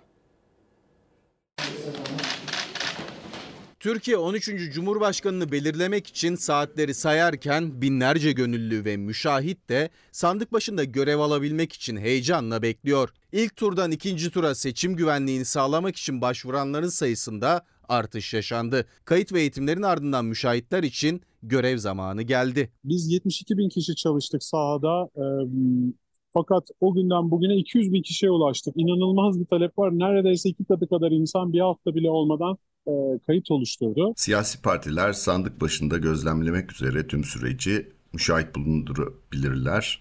Genelge 135 madde 19 bunu açıkça ifade etmiş. Hatta 21'de de e, sabah oy torbasının açılması, düzenlenmesi, pusulaların boş olduğunun görülmesi gibi süreçler de müşahitler önünde yapılır. Bunu açıkça ifade ediliyor. Müşahitler daha seçim başlamadan görev yerlerinde hazır bulunuyorlar. Hem oy kullanma hem de sayım sırasında nasıl davranmaları gerektiği Yüksek Seçim Kurulu genelgelerinde de yazıyor aslında. Yine de görevlerini yapmaları yönündeki herhangi bir engele karşı bu kuralların yazılı olduğu genelgeyi yanlarında bulundurmaları tavsiye ediliyor. Sabah olur da herhangi bir siyasi partinin müşahiti okula alınmak istemezse tavsiyemiz şu olur. Genelgeyi mutlaka yanınızda taşıyın. 135 nolu genelgeyi orada gayet açık yazılıyor. Alınmama gibi bir durumunuz olmaz. Sandık çevresinde sandık kurulu başkan ve üyeleri, adaylar, milletvekilleri, o sandık bölgesinde kayıtlı seçmenler ve o sandıkta görevli müşahitlerle bina sorumluları ve çağrı veya ihbar üzerine gelen görevli kolluk güçlerinden başka kimse bulunamaz. Sandık ve oy güvenliği sadece müşahitlere de emanet değil aslında. Herkes gönüllü olarak oy verdiği sandıkta sayım ve döküm işlemine katılabilir, izleyebilir. Sayım ve döküm işleminin yapıldığı sınıflarda ise kapı her zaman açık olmak zorunda. Eğer siyasi bir partiden herhangi bir siyasi partiden müşahit kartınız yoksa sade seçmen vatandaş olarak saat 5'ten sonra e, yine e, sandık başında olup sayım ve döküm işlemlerini gözlemleyebilirsiniz. Sadece sandık kurulu güvenli bir ortamda olması için kapı her zaman açık olur. İsterse ip gerebilir. 200 binden fazla gönüllüyle sandık güvenliğini sağlayacak olan oy ve ötesi de görev alacaklar için eğitimlerini tamamladı. Daha önce sandık başında görevli olanların kritik seçimde bu zor görevi yapanlara en büyük tavsiyesi ise sakin ve sabırlı olmak. Seçimler e, doğası gereği gergin geçen ortamlar. E, öncelikle sükunet gerekiyor. Her zaman güler yüzlü ve yapıcı olmakta çok büyük fayda var. Boş zarfları sandığa geri koyalım. İşte sandıklarda bu çeşit önlemler, bu çeşit sayıca artan gönüllüler söz konusu. Yaşar Çelenk bir mesaj göndermiş. Günaydın Ezgi Hanım oyumuzu kullandık. Saat 17'de oy kullandığım sandık başına gidip oyumu takip edip tutanak tutulup kapı önüne asıldıktan sonra eve gelip akşam saat 19'dan itibaren Fox ailesiyle birlikte seçim sonuçlarını e, takip edeceğiz diyor. Saat 19'a kalmadan bekleriz sizi buralara diye ben de o zaman hatırlatmasını yapayım. Şimdi sizi deprem günlerine geri götüreceğim. Şöyle o günlerde biz burada acılar içindeki insanların durumunu aktarıp yayınlar yaparken pek çok konuk ağırladık. O konuklardan bir tanesi Sayın Karadayı'ydı. Hüseyin Karadayı, e, Mahalle Afet Gönüllüleri e, Derneği'nin başkanı kendisi. Mahalle neden önemli? Bakın mesela siz bugün oy kullanmak için mahallenize gidiyorsunuz. Mahallenizden insanlarla birlikte bir irade oluşturuyorsunuz. Siz yolda sokakta yürürken o mahallede güvenliğinize dair endişeyi mahalledeki komşularınızla paylaşıyorsunuz.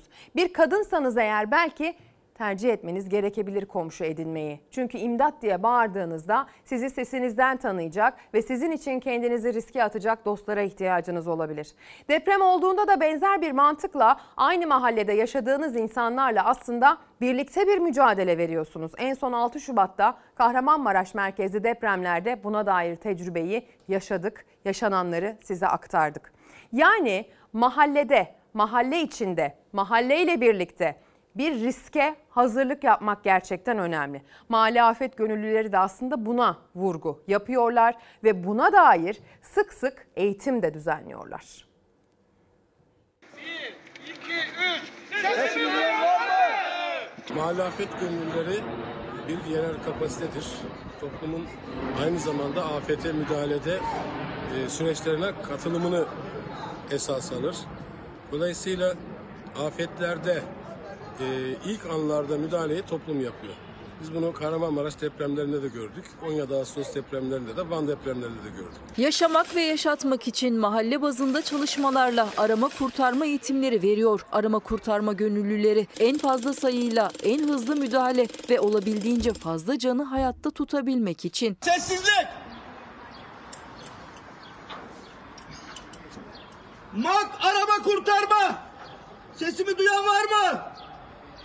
Sesimi duyuyorsan üç kez vur! O soruyu sormak zor ama karşılığını almak dünyanın en önemli anı. O andan itibaren hızlı ve dikkatli olmaksa kritik. Saha eğitiminde enkaz eğitimini alıyorlar. Malzeme bilgisini alıyorlar. Jeneratör, levye, dem, metal kesme, hilti gibi malzemeleri kullanıyorlar. Sedyeli ve imkansızlıklar halinde battaniye ile sedye yaparak da yaralı tahliyesi konusunda bilgiler elde ediyorlar. Büyük afetlerde ilk müdahaleye koşanlar, afetten kurtulabilmeyi başaranlar. Tam da bu nedenle toplumun tamamının arama kurtarma konusunda bilgilendirilmesi büyük önem taşıyor. Yaşamış olduğumuz büyük depremden sonra biz depremleri unutmuyoruz ve mahalle bazında İstanbul'da 39 ilçede yaygın mahalle afet gönüllü eğitimimize devam ettiriyoruz. Mahalle Afet Gönüllüleri Acil Müdahale Derneği İstanbul genelinde 39 ilçede eğitim veriyor. Mahalle afet gönüllüsü olmak için ne yapmamız lazım? Muhtarlıktan başvurabilirsiniz. Bizim e,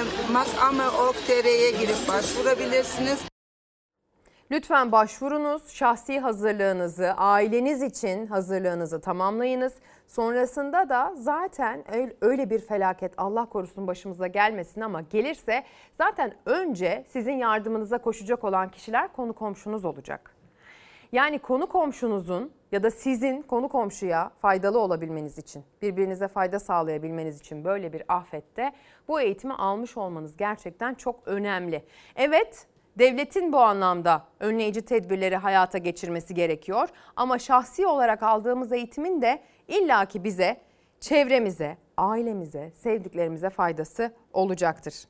Pek çok mesaj gelmeye devam ediyor. Ailece oyumuzu kullandık. İnşallah ülkemiz için hayırlı olur mesajını Zekai Tekin göndermiş. Oyumuzu kullanıp geldik. Bu defa çok sakindi. Umarım katılım düşmez. Vatandaşlık hakkını herkes kullansın uyarısıysa Can Ertekin tarafından gönderilmiş. Şimdi deprem konu başlığından devam edelim. Kahramanmaraş merkezli iki büyük deprem yaşadı biliyorsunuz. Ee, ülkemiz Malatya o depremden çok ciddi etkilenen illerden bir tanesiydi ve o gece sporcuların konakladığı Kırçuval Otel maalesef dağ gibi boyu en az 2 metre olan gencecik pek çok sporcunun da yaşamdan kopmasına sebep oldu. Bunun ardında ihmaller zinciri olduğu ortaya çıktı. Geride kalan sevenleri ve yakınları şu anda isyandalar. Neden? İzliyoruz. Burası Malatya Kırçuval Otel. Ee, Malatya Belediyespor'un bütün voleybolcuları bu enkazın altında. Üç gündür buradalar, bu göçün altındalar. Yardım yok. Sevdiğinizi taştan alıp toprağa vermenin ne demek olduğunu anlamanızı asla istemem. En kısası 2 metre olan dağ gibi çocukların cesetlerinin çıktığı bir otel var. Hayallerin, umutların, mutlu günlerin enkaz altında kaldığı o otel Kırçuval Otel. Mehmet Can Ağarbaş ve Emincan Kocabaş takım arkadaşlarıyla birlikte Malatya'da Kırçuval Otel'de yakalandılar depreme. Onu genç sporcular olmak üzere 15 kişi can verdi enkaz altında. Enkaz yığınına dönen otelin sahibi ve AK Partili Battal Gazi Belediye Başkan Yardımcısı Zafer Kırçuval gözaltına alındıktan 3 ay sonra serbest kaldı. Bu ülkede insan hayatı bu kadar mı ucuz? 15 kişinin katili şu anda dışarıda. Hak, hukuk ve adaletin çöktüğünün belgesidir. Size 28 yaşında birçok hayalini, birçok umudunu kaybetmiş bir adamın sevdiği olarak sesleniyorum. Dünyanın elini kalbine koyup acı çeken insanları anlamasını istiyorum. Çünkü hiç bitmeyen bir yangına uyandık biz bir sabah. 6 Şubat'taki Kahramanmaraş merkezli depremlerin vurduğu 11 ilden biriydi Malatya. Malatya Büyükşehir Belediyespor takımından 6 voleybolcu ve 4 ampute futbolcu o gece Kırçuval Otel'de misafirdi. Saat 04.17'de saniyeler içinde yerle bir olan otelin enkazında kaldılar. Sadece adalet istiyoruz. Onları hiçbir ceza oradan çıkartmayacak tabii ki. Bize hiçbir şey onları geri getirmeyecek. Mehmetcan o formayı ve o damatlığı asla giyemeyecek. Ben de o gelinliğim. AK Partili Belediye Başkan Yardımcısı Zafer Kırçuval ailelerin şikayeti üzerine gözaltına alındı. 15 kişinin yaşamını yitirmesine karşılık sadece 3 ay tutuklu kaldı. Oysa hakkındaki iddia çok büyük. 2020 yılında Elazığ depreminde ağır hasarlı raporu olan bir otele bu çocukları yerleştirerek resmen çocukların mezarı haline gelmiştir. İddiaya göre Malatya Battal Gazi Belediyesi Başkan Yardımcısı da olan otel sahibi Zafer Kırçuval 3 yıl önce meydana gelen Elazığ depreminde hasar almasına rağmen sağlam diyerek çalıştırmaya devam etti otelini. Otelin sağlam olmadığı ise çok acı bir şekilde ortaya çıktı. 6 gün Malatya'da enkaz başında bekledim. 6. gün oğluma ulaşabildik sabit ikametgahı olması ve delil karartma şüphesi olmaması gerekçesiyle serbest bırakıldı Zafer Kırçuval. Üstelik Battal Gazi Belediyesi'nin resmi internet sitesine göre belediyedeki yetkileri ve başkan yardımcılığı görevi de sürüyor Kırçuval'ın. Bir yerde bir ufak umut ve adalet varsa dilerim sesimize kulak verirsiniz. En azından rahat uyuyabilmeleri için onlara bir fırsat verirsiniz. İşte o gencecik sporculardan geriye kalan gözü yaşlı eşler, eş adayları. anneler, babalar, aileler böyle bir isyanın içindeler sevgili izleyenler. Maalesef sıradaki haberde de bir gencin kaybından bilgi vermek durumundayız. Adana'ya doğru gideceğiz. 22 yaşında bir genç aşırı hızlı olduğu iddia ediliyordu. Bir kaza yaptı.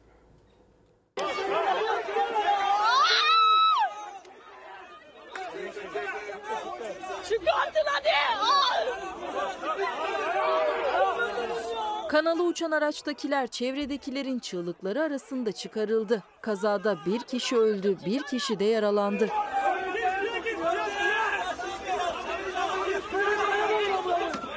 Adana'da yaşandı kaza. Hüseyin Tunahan Bey'in kullandığı otomobil iddiaya göre aşırı hızlıydı. Virajı alamadı. Önce kaldırıma çıktı. Ardından bir ağacı ve demir bariyerleri yıkarak sulama kanalına uçtu. Çıkartın Kazayı görenler ekiplere haber verdi. O sırada vatandaşlar da vakit kaybetmeden araçtakileri çıkarabilmek için suya girdi. Sürücü suya gömülen araçtan yaralı olarak çıkarıldı. Yanındaki 22 yaşındaki İsmail Hakkı Keslerse kaldırıldığı hastanede tüm müdahalelere rağmen kurtarılamadı. Geride kalanlarına başsağlığı dileyelim. Allah rahmet eylesin diyelim sevgili izleyenler kayıp için. Adana'ya başsağlığı dileklerimizi iletelim. Remziye Arıkan, SGK öncesi doğum borçlanması bekleyen anneleriz Ezgi Hanım. Bizlerin sesinin duyul, duyulmasına yardımcı olun diye rica ediyor. Ben de deprem bölgesindeyim ve işsizim. Primlerimi tamamlamak, doğum borçlanmasına ihtiyaç duyuyorum tamamlamak için herhalde o. Lütfen sizden rica ediyorum şartsız doğum borçlanma diye bir mesaj göndermiş. Çorlu'dan Pierre evlatla size merhaba Ezgi Hanım mesajını Semanur Hanım gönderiyor. Bu sessiz kullar için oy ver sandığa gidiyoruz demiş. Bakın Pierre'le tanıştırayım sizi. Buyurun Pierre. Yeter bence bu kadar gördüğümüz. Bu ve bunun gibi pek çok sessiz can içinde özellikle e, hayvan hakları savunucuları buna dair derneği, kurumu, kuruluşu olanlar da onlar için oy vereceğiz şeklinde başlıklar altında sosyal medyada bugünlerde toplanıyorlar. Bir başka kazaya götüreceğim sizi. Kontrolden çıktı bir araç ve bir motosikletli iş yerine daldılar bu kez. Kontrolden çıkan araçlar tehlike saçtı. Güvenlik kameraları o anları saniye saniye görüntüledi. İstanbul Güngören'de sokaktan hızla çıkan otomobil girdiği iş yerinde çay molasındaki bir işçiyi yaraladı. Araç geri geri çıkarak kaçtı. Kaza sonrası işçi hastaneye kaldırılarak tedavi altına alındı. Kocaeli'nin Gevze ilçesinde sürücüsünün kontrolünden çıkarak önce direğe çarpan motosiklet daha sonra takla atarak alışveriş merkezine daldı. Bir müşteri saniyelerle ezilmekten kurtuldu.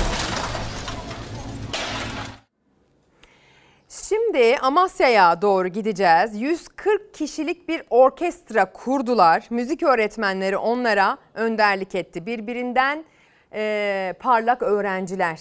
Sanatı seçmiş, sanatla zenginleşmenin yolunu tutmuş çocuklarımız. Onlar Amasya'da bir konser verdi ama ilk eserleri depreme dair oldu. İşte gidiyorum çeşmesi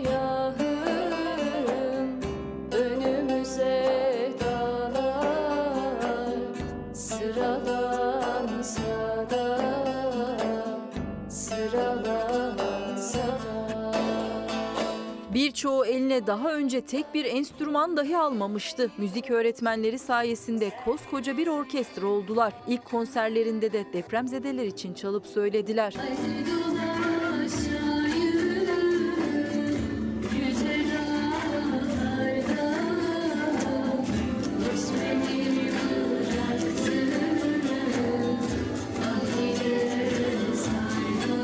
Amasya Alptekin Anadolu Lisesi öğrencileri 6 ay öncesine kadar enstrüman çalmayı bilmiyordu. Müzik öğretmeni Seyit Alper Kartal öğrencilerine öyle bir eğitim verdi ki sonunda işte bu orkestra çıktı ortaya.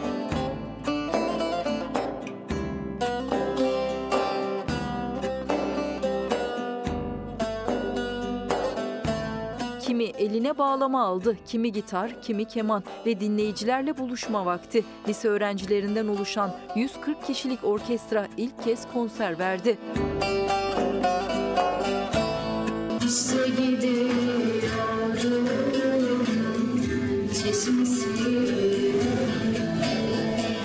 Liseliler okul bahçesinde verdikleri konserde ilk eser olarak deprem felaketini unutturmamak amacıyla Kahramanmaraş yöresine ait Çeşmi Siyahım türküsünü seslendirdi. Siyahım önümüze dağlar sıralansa da sıralansa da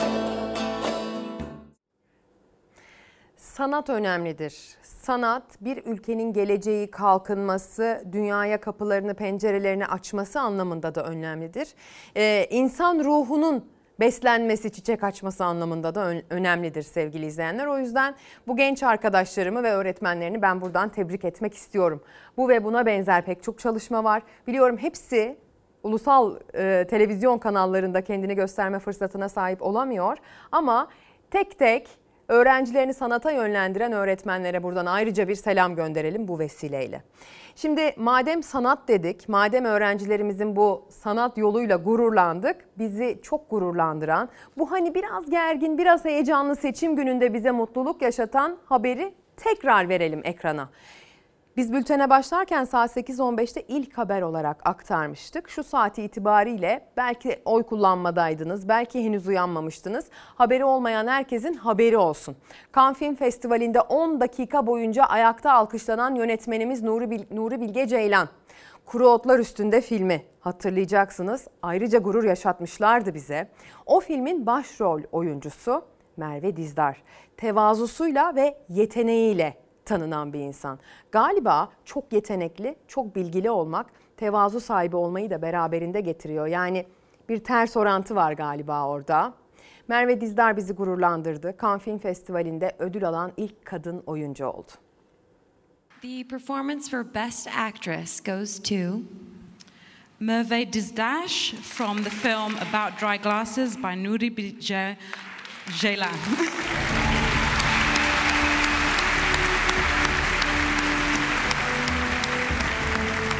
Ödülü ne olursa olsun umut etmekten vazgeçmeyen tüm kız kardeşlerim ve Türkiye'de hak ettiği güzel günleri yaşamayı bekleyen tüm mücadeleci ruhlara armağan ediyorum. Yaşadığı o büyük şaşkınlık ve sonrasında sesi titreyerek yaptığı o etkileyici konuşma. Merve Dizdar, Nuri Bilge Ceylan'ın yönettiği Kuru Otlar Üstüne filmindeki performansıyla Cannes'da en iyi kadın oyuncu ödülünü aldı.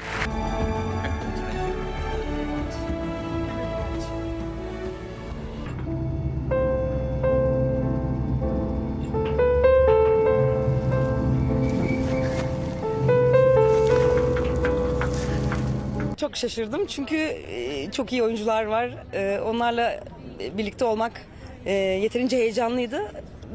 Yani çok şaşırdım. Filmde canlandırdığım Nuray karakteri inandığı şeyler ve varoluşu için mücadele veren ve bu uğurda bedeller ödemek zorunda bırakılmış bir kadın. 76. Cannes Film Festivali'nde Altın Palmiye için yarışan filmlerden biriydi Kuru Otlar Üstüne. Daha önce de Cannes'da ödül alan yönetmen Nuri Bilge Ceylan ve oyuncular film gösterimi sonrası dakikalarca ayakta alkışlanmıştı. Başroldeki Merve Dizdar Cannes'da en iyi kadın oyuncu ödülünün sahibi oldu. Bu ödülü alan ilk Türk kadın oyuncu olarak sinema tarihine adını yazdırdı. Onu tanımak ve anlamak için uzun uzun çalışmak isterdim. Ama ne yazık ki yaşadığım coğrafyada bir kadın olmak, Nuray'ın ve Nurayların duygusunu doğduğum günden beri ezbere bilmeyi gerektiriyor. Filmde Nuray karakterine hayat veren Merve Dizdar ödülünü tüm mücadeleci kadınlara armağan etti. Bu ödülü Nuray ve onun gibi kadınların mücadelesine güç verebilmek için ve bu ödülü kendisine layık görülen, görülen, görülenlere boyun eğmeyip eyleme geçen, bu, bu uğurda her şeyi göze alan ve ne olursa olsun umut etmekten vazgeçmeyen tüm kız kardeşlerim ve Türkiye'de hak ettiği güzel günleri yaşamayı bekleyen tüm mücadeleci ruhlara armağan ediyorum. Gözleri doldu. Cümlelerini tamamlamakta zorlandı Merve Dizdar. Bize müthiş bir gurur yaşattı. Türkiye'deki genç kızların, kadınların işte böyle sanatçıları örnek alması gerektiğini düşünüyorum. Hem çok yetenekli, hem konusuna çok hakim, hem de müthiş bir tevazu sahibi kendisi. Gönülden tebrik ediyorum. Şahsen çok hak edilmiş bir ödül olduğuna eminim. Kuru Otlar Üzerinde filmini izlemedim ama kendisi üstüne filmini izlemedim ama e, çok eminim sonuna kadar hak edilmiş olduğuna. Şimdi bugün bir seçim. Türkiye tarihine yön vereceği söylenen bir seçim. Peki sanatı e, bir araç olarak kullanmıyor muyuz tarihi yansıtması amacıyla? Yeşilçam yıllarca bizi yansıtmadı mı? Sanıyor musunuz ki Yeşilçam seçimleri yansıtmıyor?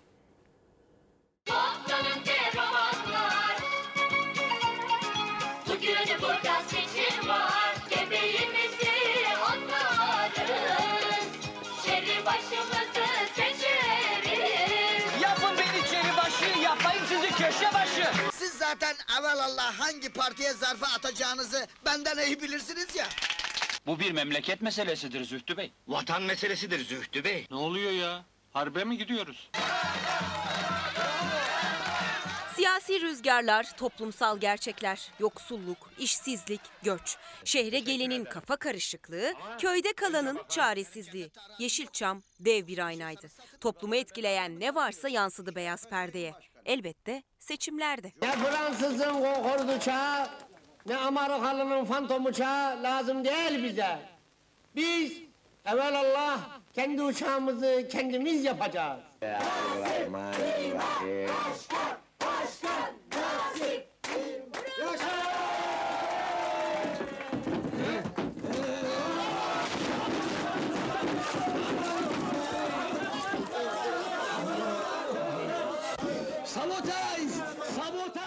Ama siyaset tabir yerindeyse hep ateşten gömlekti Yeşilçam için. 1960 ve 70'lerde başlayan toplumsal gerçekçilikle sokaklara, köylere inen kameralar siyaset deyince daha temkinli olmalıydı. 1980 darbesi yakındı. Öncesinde ve sonrasındaysa siyaset, seçimler daha çok komedi filmlerinde kendine yer buldu. Şimdi ben buraya neden çıktım? Niçin çıktım? Nasıl çıktım? Ama çıkmamış da olabilirim. Çıkmışsam çıkmışımdır. Çıkmamışsam çıkmamışımdır. Darbenin hemen öncesinde 1976 yılında Atıf Yılmaz'ın yönetmenliğinde çekilen Hasip'le Nasip filmi Türkiye'deki seçim iklimini özetler nitelikteydi. Karakterlerde Başbakan Süleyman Demirel ve dönemin diğer siyasi aktörlerinden Necmettin Erbakan'dan izler bulmak mümkündü. Sizce bu seçimleri kim kazanacak? Biz kazanacağız elbette. Neden soruyor? Vatana, millete hayırlı uğurlu olmasını Cenab-ı Allah'tan niyaz ederim. Affedersiniz efendim, oyunuzu kime kullandınız? İbadetle siyasete karışılmaz. Seçim vaatleri ya da muhalefet tarzına gelince Hasip Cömertoğlu'nun bütün kirli çamaşırlarını bir bir ortaya dökeceğim. Evet. Siz hiç hayatınızda bu kadar kirli bir fanila gördünüz mü? Memlekette ahlak bırakmadılar arkadaşlar. Kadın kız sokağa döküldü. Kadın kısmısı siyasete ne karışırmış canım? Kadın dediğin kafeste bir kuş bülbülü olacak, kuş bülbülü. Bunları zapt edeceğiz, seçim güvenliği de elbette dönem filmlerinde kendine yer bulmuştu. Alın sandık odasının anahtarını. Aman kimse görmesin dikkat edin. Merak etme abi. Oyları çuvala koyun. Rumeli Hisarı'ndan denize dökeceksiniz. Tamam abi. Sakın bir falso yapayım demeyin. Sandığın içine benim oylarımı koyun. Hadi çabuk tutun elinizi. 12 Eylül darbesiyle birlikte film sayısı oldukça azaldı. 1979 yılında 195 olan film sayısı 80 yılında 62'ye düştü. Sonra yavaş yavaş arttı. Kartal Tibet, Atıf Yılmaz, Natuk Baytan, Nesli Çölgeçen gibi sinemacıların çektiği komedi filmleri aslında önemli siyasi motifler içeriyordu. 1980 yapımı Üçkağıtçı filminin Rıfkı karakteri vatandaşın kafasında oluşan politikacı imgesini de gösteriyordu. Size layık bir başkan olacağım. Kasabamızı ihya edeceğim. Her eve su getireceğim. En kısa zamanda kasabamızın yollarını asfaltlatacağım. Maşallah! Başbakan gibi konuşuyor be! IMF'den para isteyeceğim.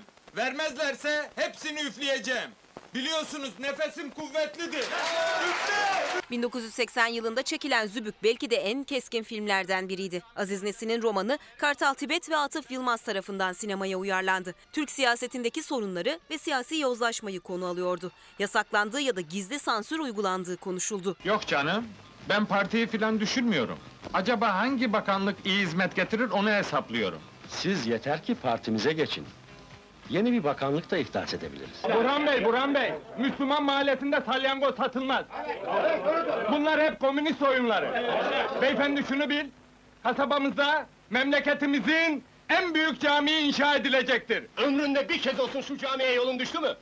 Biz elhamdülillah Müslümanız. Beş vakte beş daha katıp namazımızı evimizde kılarız. Nesli Çölgeçen'in yönettiği, senaryosunu Yavuz Turgul'un yazdığı Züğürt Ağa, 1984 yılında feodalizmden kapitalizme geçişin çarpıcı bir öyküsüydü. Seçimler Haraptar köyünde de yapılmış, ağalık düzeninin çöküşüne simge olmuştu. Seçimler var ya. Ne olmuştur seçimlere? Vallahi bir oy çıkmıştır. Olmaz öyle şey. Bir oy ha? Vallahi benim oyumdur ha. Benim oyumdur ağam. Bir oyu ikiniz verdinizse benim oy nereye gitti? Vallahi ağam ister az ister kes ama işin doğrusu şudur. İşte bunun için biz bütün köylü öbür partiye oy verdik. Bu nedir? Tapu. Ne tapusu? Şık vermişler. Cennetten tapu. 1990 yılında öncesine kıyasla rahatlayan Türk sineması, koltuk belasıyla en sert eleştirilerinden birini yöneltti politikacıların dünyasına Kartal Tibet yönetmenliğinde. Adayımız Zühtü Kaya açık farkla başkan seçildi. Babacım, beni kendine danışman olarak alsana. Laf olur. Kendi işini kendin bul oğlum. Başta ailem, sonra bütün hemşerilerim namuslu belediye başkanı nasıl olurmuş görecekler. İşte o kadar. Babam koskoca belediye reisi oldu ama kafası hala değişmedi gördünüz mü? Acele etme kızım. Babanız da bir insan. Hele o koltuğa bir otursun. Neler değişir neler. Gelen yemiş, giden yemiş. Bu geleneği sen bozamazsın. Hakkın yok buna. Bu kafayla ailene, damadına nasıl köşe döndüreceksin? Bu üstüme oturup da deliren yedinci başkan. Bütün suç bende mi acaba? Türk sineması artık Yeşilçam'ın etkilerini yavaş yavaş geride bırakmıştı. Yeşilçam'sa seçimleri işte böyle anlatmıştı.